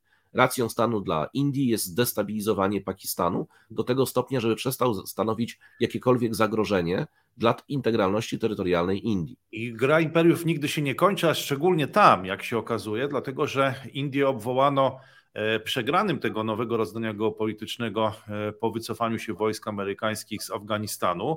No a teraz wychodzi na to, że Indie wcale niekoniecznie muszą tą rozgrywkę przegrać, bo jeżeli tam e, rzeczywiście dojdzie do tej wielkiej destabilizacji, nie tylko na granicy Afganistanu z Pakistanem, ale w ogóle do wielkiej destabilizacji w Pakistanie, no to przegranym zaczną być Chiny, a wygranym chyba rzeczywiście Indie, no którym Pakistan y, w ostatnich dekadach bezpośrednio e, zagrażał, więc tutaj ciekawa rozgrywka między Chinami a Indiami. E, no i zobaczymy, jak to jeszcze będzie wyglądać e, w tych relacjach Chin z Bliskim Wschodem, bo tutaj rzeczywiście moment faktycznie został wybrany bardzo dobrze, chyba, dlatego że te relacje ze Stanami Zjednoczonymi są w fazie e, krytycznej i dochodzi do próby wypchnięcia Stanów Zjednoczonych z tego regionu. Jak to się potoczy, zobaczymy, ale paradoksalnie teraz możemy przenieść się na drugą stronę, e, czy w inny region świata, bardziej na północ, do Europy i na drugą stronę Atlantyku, do Waszyngtonu, bo e, jeżeli tak spokojnie to wszystko przeanalizujemy, to wygląda na to, że jest negocjowany jakiś nowy deal, czy jakaś nowa forma porozumienia E, architektury e, relacji międzynarodowych nie tylko na Bliskim Wschodzie, ale również w Europie, w Europie Zachodniej. I ta e, negocjacja dotyczy no, relacji tutaj Stanów Zjednoczonych z liczącymi się krajami Europy Zachodniej, takimi jak Francja czy Niemcy, i o tym właściwie świadczy wizyta Emmanuela Macrona. Tu właściwie tak płynnie chciałbym przejść do tego, do tego tematu. Emmanuel Macron pojawił się w zeszłym tygodniu w Stanach Zjednoczonych i można powiedzieć, że zas, e, może zaskoczeniem jakimś wielkim to nie jest, e, ale w taki delikatny sposób po prostu stawiał warunki stronie amerykańskiej, można powiedzieć, e, a kością niezgody jest tutaj, kością niezgody jest to IRA, czyli ten, ten Inflation Reduction Act, czyli e, wysiłki rządu federalnego w celu właśnie zredukowania inflacji. I to oznacza blisko tam 400 miliardową dotację, w zależności jak to e, będziemy liczyć, na rozwój między innymi tych nowych technologicznych branż w Stanach Zjednoczonych. I tutaj Emmanuel Macron podniósł tą sprawę, twierdząc, że nie jest to do końca sprawiedliwe wspieranie tych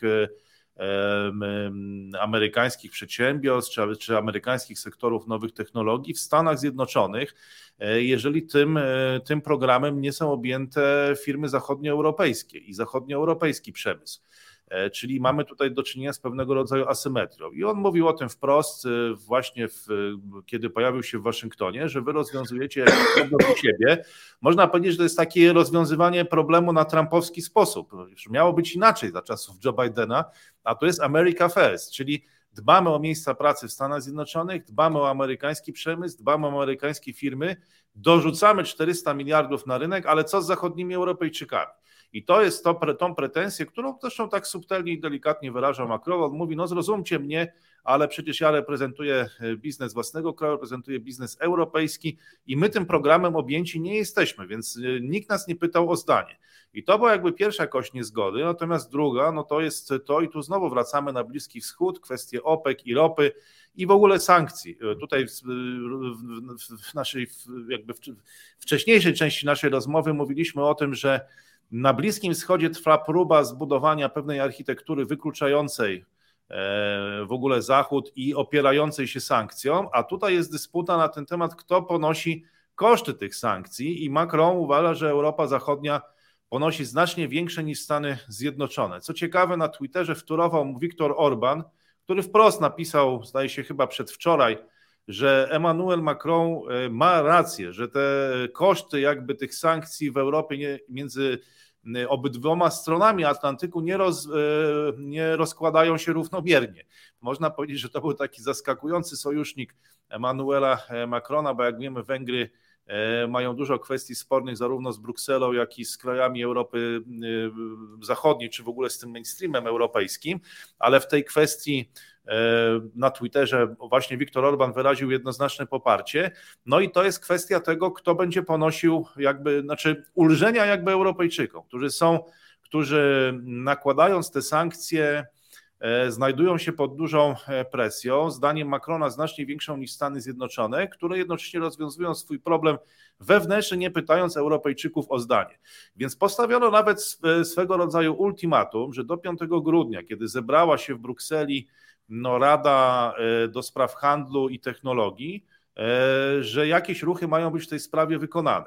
E, no ale wszyscy ogłosili to jako sukces, zarówno Joe Biden, jak i Emmanuel Macron, czy zdaje się jeden z ministrów rządu francuskiego, ale jak na razie żadnych konkretów na żadne konkrety na ten temat się nie pojawiły. W jaki sposób Stany Zjednoczone miałyby ulżyć biznesowi francuskiemu, który ponosi koszty tych e, sankcji. No więc pewien problem jest i wydaje się, że tutaj doszło do dwóch bardzo istotnych e, deklaracji czy takich posunięć politycznych. E, pierwsze z nich to ta wypowiedź Macrona, właściwie do niej doszło już w Waszyngtonie, bo on udzielił wywiadu jednej z, z telewizji, E, mówiąc o tym, że Rosji należy udzielić gwarancji. E, I to bardzo się nie spodobało. Oczywiście to nie przyszło bez echa również w Polsce, ale to można, e, można odebrać jako taki właśnie element tej rozgrywki trochę w tym, w tym trójkącie sankcje Rosja, Waszyngton, Europa Zachodnia. I, I tutaj no znowu stwierdził, że tu była krytyka nie tylko ze strony wiceministra Przydacza, ale również i wicepremiera Łotwy, bo Macron powiedział, że NATO, jeżeli zbytnio przydusi Rosję i przybliży się zbytnio do rosyjskich granic, e, no to Rosję wtedy może sprowokować albo nie da, nie da ich tej, tej gwarancji. Co właśnie wicepremier Łotwy ciekawie nazwał, że ciekawie to określił jako wpisywanie się wręcz w narrację Federacji Rosyjskiej w ten sposób, czy potwierdzanie jakoby Y, NATO zbliżając się do Rosji w jakiś sposób ją prowokuje. No ale to może zostawmy, bo to jest temat na inną rozmowę, chociaż tutaj gra imperiów również toczy się na całego. Ciekawe było, był kolejny artykuł Olafa Scholza, który w ostatnich tygodniach no, stał się chyba bardzo wziętym publicystą, i co chwila e, właśnie. E, kanclerzowanie, kanclerzowanie mu nie idzie, więc no, trzeba szukać publicysty. No właśnie, chwycił za biuro. No, jednak Niemcy słynęli przez stulecia z wybitnych e, pisarzy. Wiele zawdzięczamy im jako ludzkość, czy światowa literatura wiele im zawdzięcza. Widać wyraźnie, że Olaf Scholz w obliczu tych trochę spadających sondaży chwycił za pióro i najpierw opublikował artykuł w Politico przed wyjazdem do Pekinu, o którym Mówiliśmy, to było Politico i Frankfurter Allgemeine Zeitung, gdzie on wprost napisał, że Niemcy nie są zainteresowane powstaniem dwóch bloków i nowej zimnej wojny, dlatego że bardzo cierpiały w trakcie, w XX wieku, kiedy, kiedy w czasach zimnej wojny i nie chcą nowej. A teraz z kolei Foreign Affairs napisał artykuł, który również nie uszedł uwadze jakby e, mediów w Polsce, chociaż nas, czy właściwie polskie media zbulwersowała ta figura retoryczna i to określenie, że Niemcy chcą być gwarantem bezpieczeństwa i eksporterem bezpieczeństwa. E, I, I to jest coś, co bardzo tutaj zostało źle odebrane w Polsce, że jak to Niemcy gwarant bezpieczeństwa, skoro one nie wspierają Ukrainy, to jak rozumieć to bezpieczeństwo na sposób niemiecki? Ale on tam napisał, chyba właśnie tak się składa, że akurat po tej wizycie Macrona i akurat po 5 grudnia e, napisał, że, e, że żyjemy w świecie E, jak e, Zeitwenden chyba, zdaje się, to jest epokowa chwila. Epokowa chwila, e, moment historyczny i żyjemy w świecie, i tu niespodzianka, wielobiegunowym i w świecie rywalizujących systemów, ale nie dwóch, ale kilku. I to było zastanawiające właściwie, dlaczego kanclerz Niemiec po raz kolejny to, to napisał. No i ciekawe, co wyniknie z tej, z tej rozgrywki tutaj francusko-amerykańskiej niemiecko-amerykańskiej również i w ogóle unijno-amerykańskiej, e, jak zostanie, zostaną tutaj uzgodnione e, te no, właściwie można te założenia, czy te główne założenia tej nowej architektury i ten rozkład kosztów. No zobaczymy, jak to będzie wyglądać. Jeżeli Amerykanie no nie przedstawiał jakiejś konkretnej propozycji tutaj przyduszani, e, czy przymuszani, czy poprzez tą presję, którą wywierają kraje zachodnioeuropejskie na nie, bardziej subtelnie lub czasami mniej subtelnie, e, no to jakie tutaj będą następne kroki, które podejmie Macron i Olaf Scholz? Czy oni w ogóle mają jakieś pole manewru? E, I jaki będzie status tutaj Unii Europejskiej jako globalnego mocarstwa? No bo jeżeli okaże się, że Amerykanie wzruszą ramionami i powiedzą, no sorry, ale to jest, to jest, to nie jest nasz biznes e, i nic Europejczycy w tej sprawie nie zrobią, no to, no to wydaje się, że tutaj dojdzie rzeczywiście do takiego zwasalizowania Europy, Europy Zachodniej i ona straci E, ten status e, no, globalnego, jednego z globalnych centrów w tej rozgrywce, tak jak to ogłasza Olaf Scholz, bo mówi, że to jest kilka tych centrów. Rozumiem, że Niemcy czy Unię Europejską zalicza do jednego z tych, e, do jednego z nich, do jednego z tych globalnych centrów. I to będziemy na pewno obserwować w najbliższych miesiącach. Więc mamy do czynienia z pewnego rodzaju paradoksem. Bo z jednej strony, bo z jednej strony jest próba wypychania Stanów Zjednoczonych z Bliskiego Wschodu, z drugiej strony mam wrażenie, że, że coś podobnego zaczyna dziać się w Europie Zachodniej. Zobaczymy, jaki będzie wynik tu i tu. To są dwie szachownice. No zwłaszcza, że mamy niestabilną sytuację w Niemczech, tak? Bo tam mamy tak. E, no, jakieś dziwne grupy, dziwne zamachy. To po raz pierwszy coś takiego się przytrafiło. E, I pewnie to zechce Pan skomentować, ale zakładam, że zanim do tego się Pan odniesie, to jeszcze pewnie chciałby Pan coś powiedzieć o tej rozgrywce Francja, Niemcy, Stany Zjednoczone. Tak, tak. Koniecznie, dlatego, bo to jest jednak e, wyjątkowo ciekawy temat, nawet ciekawszy niż to, znaczy może mniej rozrywkowy niż te wszystkie tam próby puczu monarchistycznego, to pucz kappa kolejny, e, ale mm, e, to, co rzeczywiście się dzieje w polityce francuskiej, to powinno nas, nas najbardziej, czyli Polskę niepokoić. No niestety Macronowi imputuje się różnego rodzaju aberracje, różnego rodzaju filie, nie będziemy tutaj przywoływać tych filii, natomiast to jest kolejna filia, która, którą ma przyklejoną do siebie i chyba jest nieuleczalna, to jest to chroniczna putinofilia, tak? czy chroniczna rusofilia. E, Macron uważa, że tak naprawdę, e, moim zdaniem, pozycję mocarstwową Francji zapewnić można, może w ten sposób, że oto Francja wraz z Rosją będą tworzyły nową architekturę e, bezpieczeństwa w Europie. Tym bardziej, że oba państwa są stałymi członkami Rady Bezpieczeństwa. Niemcy nie mają tej przewagi. Mają dużą gospodarkę, natomiast mają słabą armię, nie mają broni nuklearnej e, i nie mają nawet konstytucji własnej. Mają ustawę zasadniczą, tak? Są, formalnie są dalej, zdaje się, państwem okupowanym, gdybyśmy tak podchodzili do tego legalistycznie.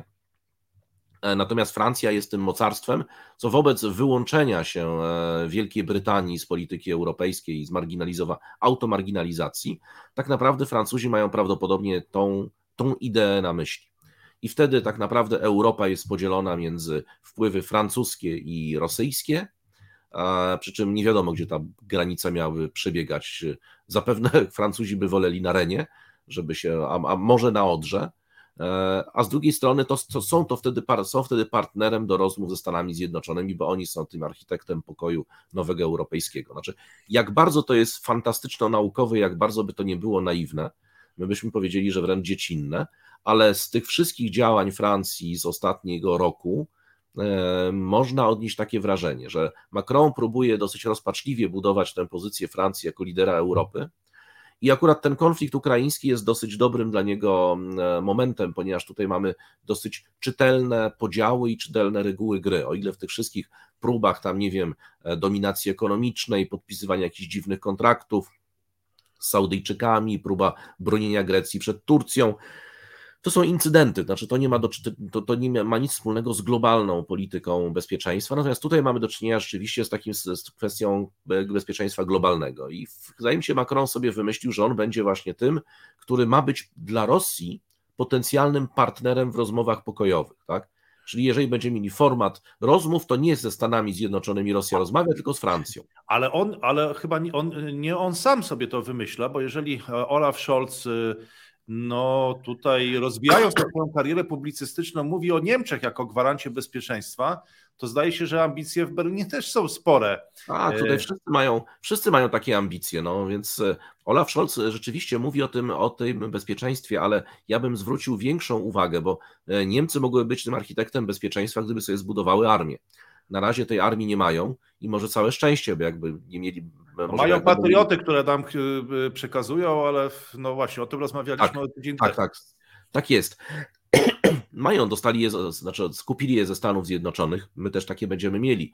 To jest tylko kwestia tego, czy ta armia niemiecka, no właśnie, być może nie jest dlatego budowana tak silna, bo nie wiadomo, czy jak będziemy mieli silną Bundeswehrę, to może nie będziemy mieli republiki w Niemczech, prawda? Tylko znowu wróci jakiś Reich, prawda? Czy jakaś monarchia, czy co tam sobie e, ta no, prawica... do restauracji Reichu zdaje się już tam się znaleźli, tylko zostali... Tak, dokładnie, właśnie, właśnie do tego piję. Natomiast, natomiast ja bym raczej zwrócił uwagę na ten właśnie tekst, w którym e, większe znaczenie bym przywiązywał do tej multipolarności, do tej wielobiegunowości świata. To sprawia wrażenie takie, jakby zarówno Francja, jak i Niemcy, tylko z trochę innych pozycji, starały się wyjść z tego mm, amerykańskiego powozu, e, którym nazywa się sankcje wobec różnych krajów, a już szczególnie wobec tych sankcji wobec Rosji, które są no, nieuniknione. Znaczy ani Francja, ani Niemcy oficjalnie się nie wyłamią jednak z tej architektury bezpieczeństwa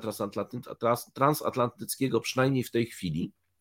Natomiast E, z całą pewnością nie chcą być e, takim chłopcem do bicia e, dzięki przystąpieniu do sankcji przeciwko Chinom, czy przeciwko Arabii Saudyjskiej, czy przeciwko generalnie państwom Azji i Afryki z tego właśnie multipolarnego świata. W związku z tym starają się odróżnić od Amerykanów, pokazać tak, my nie jesteśmy Amerykanami, jesteśmy Zachodem, ale my akceptujemy multipolarność świata nie jesteśmy zwolennikami e, systemu blokowego. Czyli taki można powiedzieć, tak jakby e, Scholz został wyedukowany przez Xi Jinpinga, tak? E, I, I mówi Xi Jinpingiem, tak? No i to jest przecież jego, to są jego myśli. Być może zresztą celowo, ponieważ dla Niemców wobec no, oczywistej, w tej chwili oczywistego zamknięcia rynku rosyjskiego i nawet, żeby nie wiadomo, co Niemcy robili, pewnie do szybkiego tego otwarcia tego rynku nie dojdzie, to jednak gwarantem wysokiej pozycji gospodarczej Niemiec cały czas jest dysponowanie partnerem handlowym na odpowiednim poziomie i ten odpowiedni poziom reprezentują Chiny, bo Stany no dobrze, Zjednoczone... Ale czy w sposób, no właśnie, ale czy, czy pańskie rozumowanie nie prowadzi do takiej konkluzji, e, że jeżeli Amerykanie powiedzą, no nie ulegną tym, e, tym nie wiem, jakbyś, jakkolwiek byśmy to nazwali, prośbom, szantażom, tak. albo no jeżeli subtelnie formułowanym to prośbą, a jeżeli wprost i taki nawet arogancki sposób, no to szantażom, no Amerykanie nie ulegną temu, tak? Powiedzą, słuchajcie, to jest nasz biznes, e, my sobie to tak organizujemy, wy organizujecie, organizujcie to sobie we wzajemnym zakresie, we własnym zakresie, no to teraz czy Chiny, przepraszam, czy Niemcy i Francja no nie zwrócą się bardziej w stronę Chin i czy Chiny nie będą musiały na przykład szerzej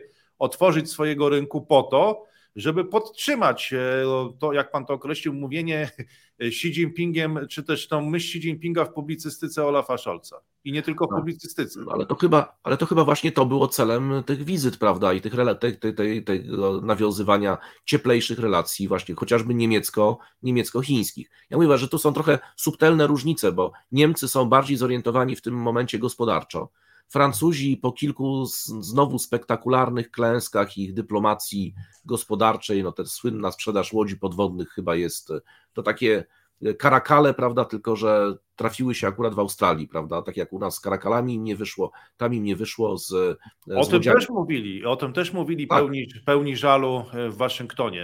Ja Dokładnie, bo Amerykanie ich stamtąd wyrugowali ponieważ e, rynek amerykański jest coraz bardziej zamknięty, to znaczy przecież ta dotacja dla firm amerykańskich oznacza tak naprawdę zamknięcie rynku, no bo to jest, to jest tak daleko od wolnej konkurencji, jak to jest tylko możliwe.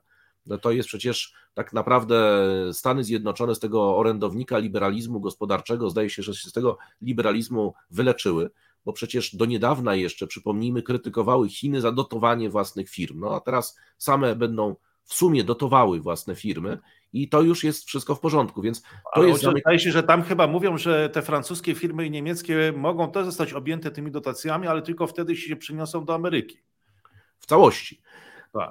Znaczy jest to zrozumiałe, znaczy tutaj nie ma co Amerykanów krytykować, że wspierają własny biznes, natomiast to już ma niewiele wspólnego z tą otwartością, klasycznym liberalizmem gospodarczym promowanym przez dziesiątki lat przed, przez Amerykanów.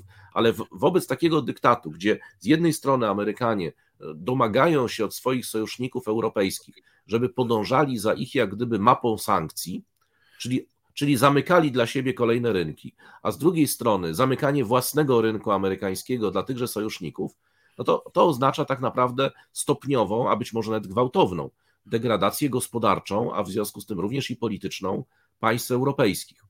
Państwo no, europejskie. teraz jednej... będzie, jak, jak, jak Olaf Scholz po raz kolejny yy, napisze w kolejnym swoim artykule, a może już książce czy pamfle, pamflecie, bo zobaczymy, jak ta literacka kariera będzie się yy, rozwijać, że on widzi świat wielobiegunowy i nie można izolować Chin, bo on znowu to napisał w tym artykule dla Foreign Affairs. I Niemcy już otwarcie, razem, z, nie wiem czy razem z Francją, czy osobno, ale będą rozwijać te relacje E, pewnie nie tylko z Chinami, ale być może i z, i z, i z no nie, nie, nie mówimy tutaj blok, że to jest blok, ale to tymi platformami, taką platformą Chiny Bliski Wschód, która gdzieś tam już zaczyna być montowana e, i powiedzą, że jeszcze Macron często mówi o tym, że to jest e, coś, co przynosi stabilność we współczesnym świecie. No i co wtedy zrobi Imperium Amerykańskie? Imperium Amerykańskie jest w tej chwili w stanie dość głębokiego kryzysu wewnętrznego. Te ruchy, mm, te ruchy mm, dotyczące właśnie wsparcia własnego rynku, to, to, to, to, to strampizowanie demokratów, tak? No, Trump e... przegrał wybory, jedne, drugie, ale w, wygląda no, na to, że, ale... jego idee, że jego idee w, zaczynają wygrywać poprzez demokratów. No ale demokraci zrozumieli, że Trump e, prawdopodobnie powróci, ma szansę na wygranie kolejnych wyborów, a jeżeli nie Trump, to może to będzie, nie wiem, DeSantis, że republikanie mają szansę na wygranie a kolejnych wyborów. Czy jest to, to paradoks polega na tym, że demokraci zaczynają realizować e, program Trumpa właśnie, żeby... No ale to właśnie dokładnie, moim zdaniem jest to bardzo silnie nakierowane właśnie na politykę wewnętrzną, no, bo tych, po tych wyborach midterms okazuje się, że można przez głupią politykę lokalną, e, taką abstrahującą od potrzeb e, populacji, można powiedzieć, można stracić naprawdę takie ostoje demokratów i ten trend może się jeszcze pogłębić w, te, w, najbliższych latach. W związku z tym Biden będzie musiał zrobić wszystko, żeby pokazać, OK, żeby sobie zrobić taką maga wersja demokratyczna, tak? Czyli żeby, żeby zbić część argumentów Trumpa, które są notabene argumentami z punktu widzenia interesu przeciętnego Kowalskiego e, czy Kowalskiego e, mieszkającego gdzieś tam w Stanach Zjednoczonych, jak najbardziej słuszne. Jak sobie obserwuję, jest bardzo wielu Polaków, zresztą obserwujących moje konto na, na Twitterze, to tam e, zwolenników demokratów jest bardzo niedużo. Oni piszą otwartym tekstem. Ich to jest America First, jest rzeczywiście hasłem, które trafia do znacznej części e, ludności Stanów Zjednoczonych. No dobrze, ale to teraz czy paradoks Imperium Amerykańskiego nie polega e, na tym, że musi ono balansować jakby ten nacisk, e, wewnętrzny nacisk trumpizmu i de facto realizować program wewnętrzny, realizować program Donalda Trumpa, żeby zmarginalizować jego, czy zablokować jego, jego zwolenników, a z drugiej strony zmniejsza to pole manewru w polityce międzynarodowej. No bo jak pogodzić interes hydraulika Joe Kowalskiego, czy, Kowalskiego, tak? E, I jednocześnie interesy Francji i Niemiec i zapobiec, czy zablokować, czy zakończyć literacką karierę Olafa Scholza, który co chwila e, coś takiego publikuje. Jak pogodzić hydraulika Joe Kowalskiego i kanclerza Olafa Scholza i Emmanuela Macrona? Moim zdaniem i tak powinniśmy się cieszyć. Na razie Scholz pozostaje przy prozie, gorzej jeżeli zacznie pisać e, poematy. bo może zacznie, przejdzie jednak w kierunku właśnie takich bardziej złożonych form, z heksametrem zacznie pisać. O to będzie, to, to wtedy powinniśmy być zaniepokojeni, bo to oznacza, że u naszego zachodniego sąsiada dzieje się niedobrze. E, te artykuły oczywiście są całkowicie nieprzypadkowe. No to działalność literacka w, taki, takim w tym kontekście to jest po prostu e, takie forum do wygłoszenia deklaracji politycznej, inne niż przemówienie gdzieś, prawda? Tu, gdzie można się zastanowić, można dać przypisy, można coś pozmieniać sobie, czyli to jest pełna kontrola nad tekstem, ale tam należy założyć, że żadne zdanie nie jest przypadkowe i zresztą tak to jest postrzegane. E, wydaje mi się, że Amerykanie, znaczy i tak demokraci, E, mają o tyle dobrze z państwami zachodnimi, że państwa Europy Zachodniej już poczuły e, nogę Trumpa na gardle w momencie, kiedy Trump no, był prezydentem.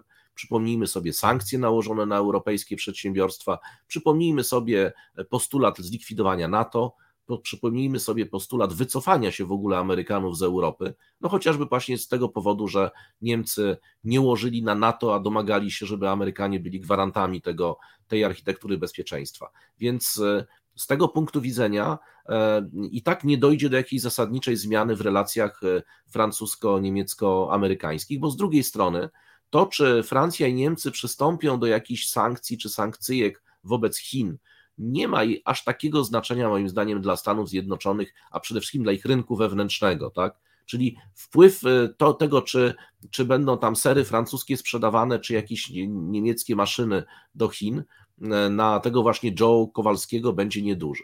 My powinniśmy się bardziej niepokoić jedną rzeczą, bo y, dla nas relacje z Chinami są pewną abstrakcją. To znaczy, ponieważ my nie graniczymy jeszcze z Chinami, trzeba zaznaczyć, a w związku z tym, a w związku z tym e, dla nas nawet ekspansjonizm chiński ma znaczenie zerowe. Zresztą również dla państw Europy Zachodniej. Większość już przecież kolonii tam nie ma. Natomiast ekspansjonizm rosyjski i perspektywa tego, że e, Macron i Scholz chcą się dogadywać z Rosją, e, i to mogą, i to jest, mogą się niestety dogadać nad naszymi głowami. To zagrożenie cały czas istnieje i to takie coraz bardziej realne. E, wobec perspektywy e, znowu rozluźnienia e, trwałego być może tych więzi euroatlantyckich i jakiegoś wycofywania się Stanów Zjednoczonych z Europy, to to jest coś, co jest rzeczywiście bardzo, bardzo niepokojące dla tej części świata.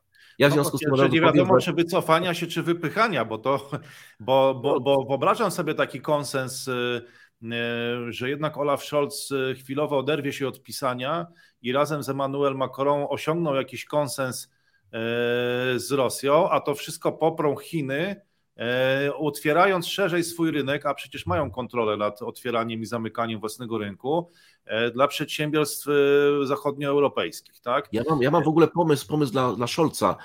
Taka krótka azjatycka forma nazywa się haiku. tak. tak, dobrze panie. No to właśnie, to jest to, w którym kierunku powinien zmierzać, prawda, żeby jakby pokazać ten swój, tą swoją nogę azjatycką. No ale wracając jak gdyby trochę do Niemiec, bo jeszcze, bo jeszcze już tam się pewnie czas kończy, to warto jest, powiedzieć... Ale na szczęście nie jesteśmy filasem fogiem i nie musieliśmy zdążyć tak. do tego klubu dżentelmenów w Londynie, bo już bylibyśmy 6 minut spóźnieni. Po prostu czas letni, czas zimowy, pamiętajmy. E, to jest tutaj to, co warto zauważyć, że w ogóle Niemcy znajdują się w stanie dość głębokiego kryzysu politycznego, którego my tutaj nie dostrzegamy, albo dostrzegamy tylko i wyłącznie niektóre jego aspekty. Ponieważ e, mamy z jednej strony, i to, jest, to nie jest ciąg ostatnich wydarzeń, to jest kilka ostatnich lat, czy kilkanaście nawet ostatnich lat. Z jednej strony mamy katastrofalną politykę migracyjną, czyli to słynne otwarcie na te hordy, można powiedzieć, E, z, różnego, z różnych miejsc konfliktów, które zaprosiła do siebie Angela Merkel, to spowodowało ogromne pogromy. Mówi pan o 2014-2015 roku. Tak, tak jest, dokładnie. I to pogorszenie się sytuacji bezpieczeństwa, te masowe gwałty, a nawet jeżeli, nawet byśmy powiedzieli, no dobrze, no ale to tam są kraje, w których jest gorzej, tak? Ale z drugiej strony zmowa niemieckich mediów, żeby o tym nie publikować, prawda, poprawność polityczna, no to wszystko spowodowało, że partie takie jak AfD, która byłaby jakimś zawsze marginesem, stały się liczącymi siłami politycznymi i ruch taki, można powiedzieć, e, antyimigrancki, prawicowy, e, izolacji, można powiedzieć, rekonstrukcji historycznej wielkich Niemiec, nieważne z którego okresu, e, to jest coś, co stało się zjawiskiem już jakby no, signum temporis to jest coś, czego byśmy się 20 parę lat temu jeszcze nie spodziewali. Czyli z jednej strony głos na lewicę oznacza e, głos na e, jakby likwidację bezpieczeństwa wewnętrznego w dużej mierze, czyli to, to, to, coś, co jest jedną z podstawowych motywacji ludzi do wzięcia udziału w akcie, w akcie wyborczym. Idę dlatego, ponieważ boję się o życie, boję się wychodzić wieczorem. Do tej pory nie musiałem zamykać, prawda, drzwi na klucz. W tej chwili robię okop, schron, prawda, zasieki z, dru z drutu kolczastego, bo mam bandytów dookoła siebie, których nikt nie sprawdził nawet, kim są. E, I to. Myśli pan, że to aż do tego, aż, aż do takiego poziomu doszło w Niemczech? No w niektórych regionach na pewno tak. No ja śledzę, e, śledzę tę ewolucję grup ekstremistycznych.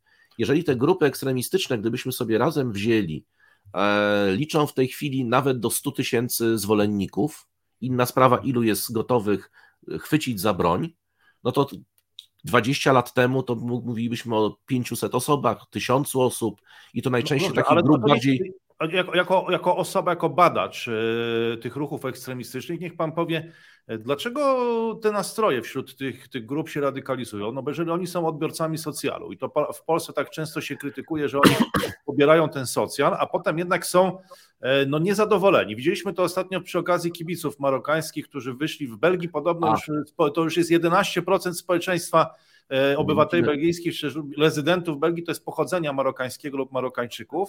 I oni po tych zwycięskich meczach i zwycięskich podkreślam, bo Maroko jest sensacją, czarnym koniem tego mundialu, wychodzili w Molenbeek i w Anderlechcie, gdzieś tam w różnych dzielnicach w Brukseli i tak się cieszyli, że inter, musiała interweniować policja.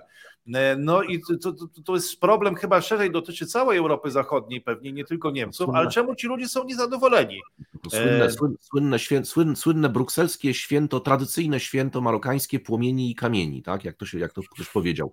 Otóż e, znaczy, to musimy oddzielić absolutnie te dwie kwestie. My nie mamy dzisiaj na to czasu, pewnie poświęcimy którąś gronie imperium. Ale, kró- ale, kró- ale, ale krótko możemy powiedzieć tak, że ja akurat bym się tymi grupami islamskimi w tej chwili nie zajmował, natomiast faktem jest, że państwo niemieckie, znaczy, co spowodowało radykalizację, taką prawicową radykalizację społeczeństwa niemieckiego? No bardzo prosta rzecz. I to jest mechanizm tak prymitywnie prosty, że aż przykro o tym mówić.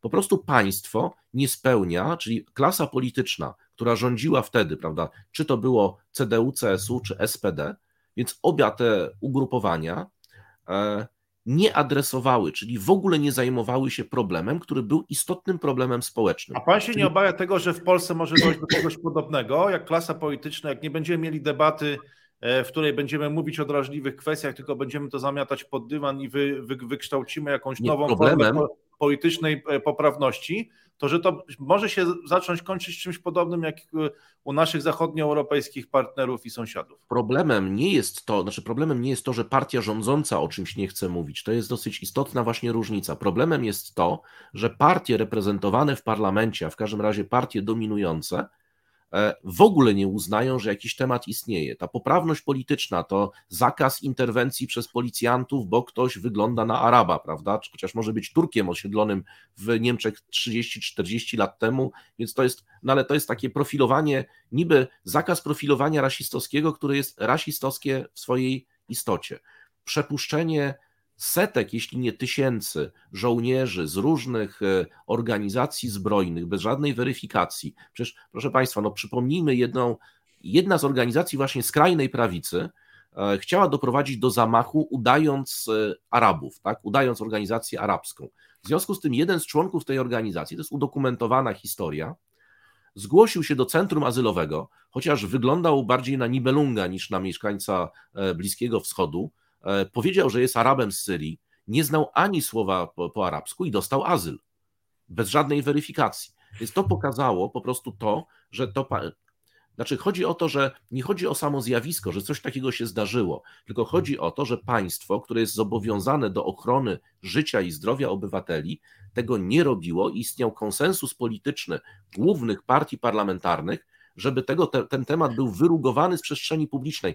To jest no właśnie dobrze, ale, czy, ale czy możemy powiedzieć, że, że ten incydent, do którego doszło, czy zatrzymanie tych 20 e, chyba osób, które tam nawiązywało do ideologii II Rzeszy e, o, i tego e, arystokraty Heinricha, Czy, czy to nie jest takie trochę operetkowe, wyrwane z kontekstu? Czy to jest coś w ogóle poważnego?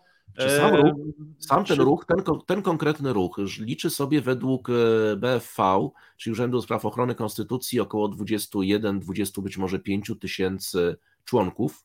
No to całkiem sporo, około, ale czy my nie przesadzamy, tego, właśnie nadając mu taką rangę jednak mimo wszystko? Z tego około 2000 to są osoby, które 2000 do 3000 to są osoby, które są zdolne do konfrontacji zbrojnej, czyli są w stanie wziąć karabiny maszynowe i zaatakować na przykład urzędy Czyli to, centralne. To nie jest Brunon, już nie pamiętam jak ten pan miał na nazwisko, który zaatakował polski parlament. Brun, tak, tak, tak, nie, nie, to nie są, to nie są, bo jeszcze właśnie te 15-20 lat temu były takie grupy, to nie jest tak, że ich nie było w Niemczech, ale to były klasyczne grupy terrorystyczne, prawda, 5-10 osobowe komórki radykałów, utajnione, zakonspirowane. Tutaj mamy do czynienia z ruchem społecznym, który ma również ten, ten komponent skrajny, E, ma, ma łowisko, prawda, no bo ten ruch społeczny istnieje. Ten akurat jest taki trochę bardziej operetkowy, można powiedzieć, no bo to jest restytucja II Rzeszy, e, tam jest taka nawet strona internetowa, dziedzice Bismarcka, mm, e, uznawanie nielegalności RFN-u, czyli tak troszeczkę jak te organizacje, które w Stanach Zjednoczonych, moim zdaniem to jest takie trochę kopiowanie tych rozwiązań ale są również, e, o, poza tym nurtem, są również organizacje skrajne, znaczy takie folkistowskie, prawda, czyli nawiązujące już do tradycji III Rzeszy dokładnie, i oraz organizacje, które bardziej przypominają, ja bym powiedział, takich e, amerykańskich Oath Keepers, czyli związane, czyli to są funkcjonariusze służb bezpieczeństwa, policjanci, członkowie Bundeswehry, którzy są zdecydowanie antyrządowi, antykonstytucyjni, symbolikę sobie przyjmują w zależności od humoru, czyli niektóre z tych grup Ale mają... oni nie są służbowo w tych ruchach? Może oni tam są służbowo w tych ruchach, a pan twierdzi, że autentycznie. Nie, nie, ponieważ y, doszło nawet przecież do rozwiązania jednej z elitarnych jednostek y, Bundeswehry właśnie w związku z tym, że, że to była jednostka, w której y, przygotowano coś podobnego, co w tej chwili, prawda, tylko raczej w, w wersji planowania. No tutaj te, te osoby, jak na razie spośród aresztowanych chyba nie ma żołnierzy służby czynnej ale w samej Bundeswehrze już kilkukrotnie takie organizacje rozbijano, które się pojawiały, organizacje czy oficerów, czy przedstawicieli różnych elitarnych jednostek. No oczywiście głównym motorem jest ta antyimigranckość i owa, można powiedzieć, lewackość rządów i to rządów zarówno CDU, jak i SPD i chęć zmiany, przy czym chęć zmiany postulowana nie metodą demokratyczną, no bo ona jest nieskuteczna w Niemczech, jak się do tej pory twierdzono, tylko po prostu metodą, metodą jakiegoś zbrojną, no takiego puczu kappa trochę, jeżeli ktoś z Państwa chce sobie zobaczyć. I to jest... Jestem, jestem zszokowany tym, że, że to, że nasza dyskusja dzisiaj o Bliskim Wschodzie i o Europie e, Zachodniej ma tak wiele punktów wspólnych, czasami odnoszę wrażenie. Tak, i to jest, i to jest. E, Chociaż może oczywiście... proporcje, może jednak no ten, to państwo islamskie, Taliban i jednak te raczkujące gdzieś tam ruchy w Niemczech, może no proporcje są oczywiście pewnie zupełnie, ale to jest coś... inne, ale mechanizmy są niebezpiecznie ale, podobne chyba. Z tego, ale dla mnie, dla mnie naprawdę trochę przypomina to trochę taką sytuację, znacie Państwo taki stary dowcip, w którym tam sobie jakiś człowiek siedział na, na, na gałęzi i tak ciął tą gałęź, prawda, pomiędzy drzewem a sobą. No i ktoś tam przechodzi obok, prawda, mój panie, no jak pan, pan tak dalej ciął, to zaraz zlecisz z tą gałęzią. No i ten tnie dalej, zleciał, mówi, no prorok po prostu. Więc to, że tak się dokładnie zdarzy, czyli to, że ta niekontrolowana fala migracji, która spowodowała e, pogorszenie sytuacji bezpieczeństwa, e, doprowadzi do tego, że e, w, naturalnym, w naturalny sposób pojawią się ruchy antyimigranckie, one będą tym bardziej gwałtowne, im mniejszym stopniu państwo będzie zajmowało się problemami bezpieczeństwa, to nie wiem, czy Państwo zgadniecie, ale nawet lider, jeden z liderów państwa islamskiego pisał o tym, że właśnie to jest ich celem, żeby jak najwięcej było ataków i zamachów, ponieważ to ma doprowadzić w pewnym momencie do sytuacji na granicy wojny domowej, żeby doszło do wojny domowej między skrajną prawicą z jednej strony, a z drugiej strony muzułmanami, bo muzułmanie, którzy jednak mieszkają w wielkiej liczbie w krajach zachodnich, oni w takiej sytuacji będą poszukiwali obrońców, no a obrońców mają, proszę bardzo, państwo islamskie, Al-Kaida, czyli organizacje zbrojne, więc to jest to, co, znaczy ten pucz w cudzysłowie, on jest o tyle e, no, operetkowy, że w 25 to by tego Reichstagu pewnie nie. No, ale zdaje się, że Adolf Hitler chyba też w 24 osoby coś tam próbował zrobić. Ale, ale to pokazuje pewien trend, bo to nie jest kwestia tego, czy oni mieli taką zdolność, tylko że mieli taką chęć. To po pierwsze. Po drugie, mniejsze organizacje czasami dokonywały skutecznych zamachów e, stanu, a z całą pewnością byli w stanie na przykład wymordować e, część elit politycznych, czy wziąć je do niewoli. To już historia pod XX wieku, a i wcześniej, a i XIX pokazuje, że coś takiego może mieć miejsce. No i trzecia rzecz, że w coraz większym stopniu, bo jeżeli na przykład ja pamiętam, jeżeli ze studentami omawiało się jeszcze kilka lat temu e, ekstremistyczne grupy skrajnej prawicy na Zachodzie, to w większości przypadków mówiono bardziej o grupach rekonstrukcyjnych. Czyli to były na przykład grupy włoskie, gdzie oni sobie zbierali, prawda, te portrety Duce, gdzie sobie tam jakieś czy Hakenkreuze, gdzie sobie kupowali wielkie ilości broni, hajlowali sobie, prawda, czy tam sobie maszerowali z pochodniami w odludnych miejscach, e, nawoływali do nienawiści rasowej na przykład, czyli najczęściej ataku na Żydów i, e, i imigrantów z Bliskiego Wschodu, ale nie realizowali tego, to znaczy nie było praktycznie zamachów, a jeżeli były, to były akty nienawiści pojedyncze, a nie zorganizowane akcje polegające na wysadzeniu czegoś, prawda, czy masowych mordach. Ale to się w tym momencie zmienia, więc to I jest tu, ten moment. Tak, i tu musimy już postawić e, kropkę. W przeciwnym wypadku nasza rozmowa nie tylko nie będzie trwała, nie będzie e, podróż 80-minutową podróżą dookoła świata, ale nawet nie będzie 100-minutową podróżą dookoła świata. No, nie brzmi to, powiedziałbym, jakoś specjalnie optymistycznie. Żeglujemy sobie po tym świecie walącej się architektury e, bezpieczeństwa w wielu rejonach świata, jak się okazuje, nie tylko na polach bitewnych Ukrainy, e, nie tylko na Bliskim Wschodzie, e, gdzie dochodzi również do dużych zmian, czy przynajmniej takie próby są podejmowane, ale również zobaczymy, co stanie się w Europie Zachodniej. No więc tak, gra imperiów nigdy się nie kończy. Zobaczymy, co wyłoni się z tych zmian architektury globalnej. Gra Imperiów nigdy się nie kończy, ale kończy się nasza e, rozmowa. Więc jeszcze raz bardzo Państwu dziękujemy za wsparcie na YouTubie, na Patronajcie, czy też poprzez przelewy tradycyjne, szczególnie Pani Natalii. Tutaj lekko zmieniłem imię, ale myślę, że Pani Natalia z pewnością wie, że to o nią chodzi. E, ale dziękujemy wszystkim e, z Państwa. tak. Tak, dziękujemy.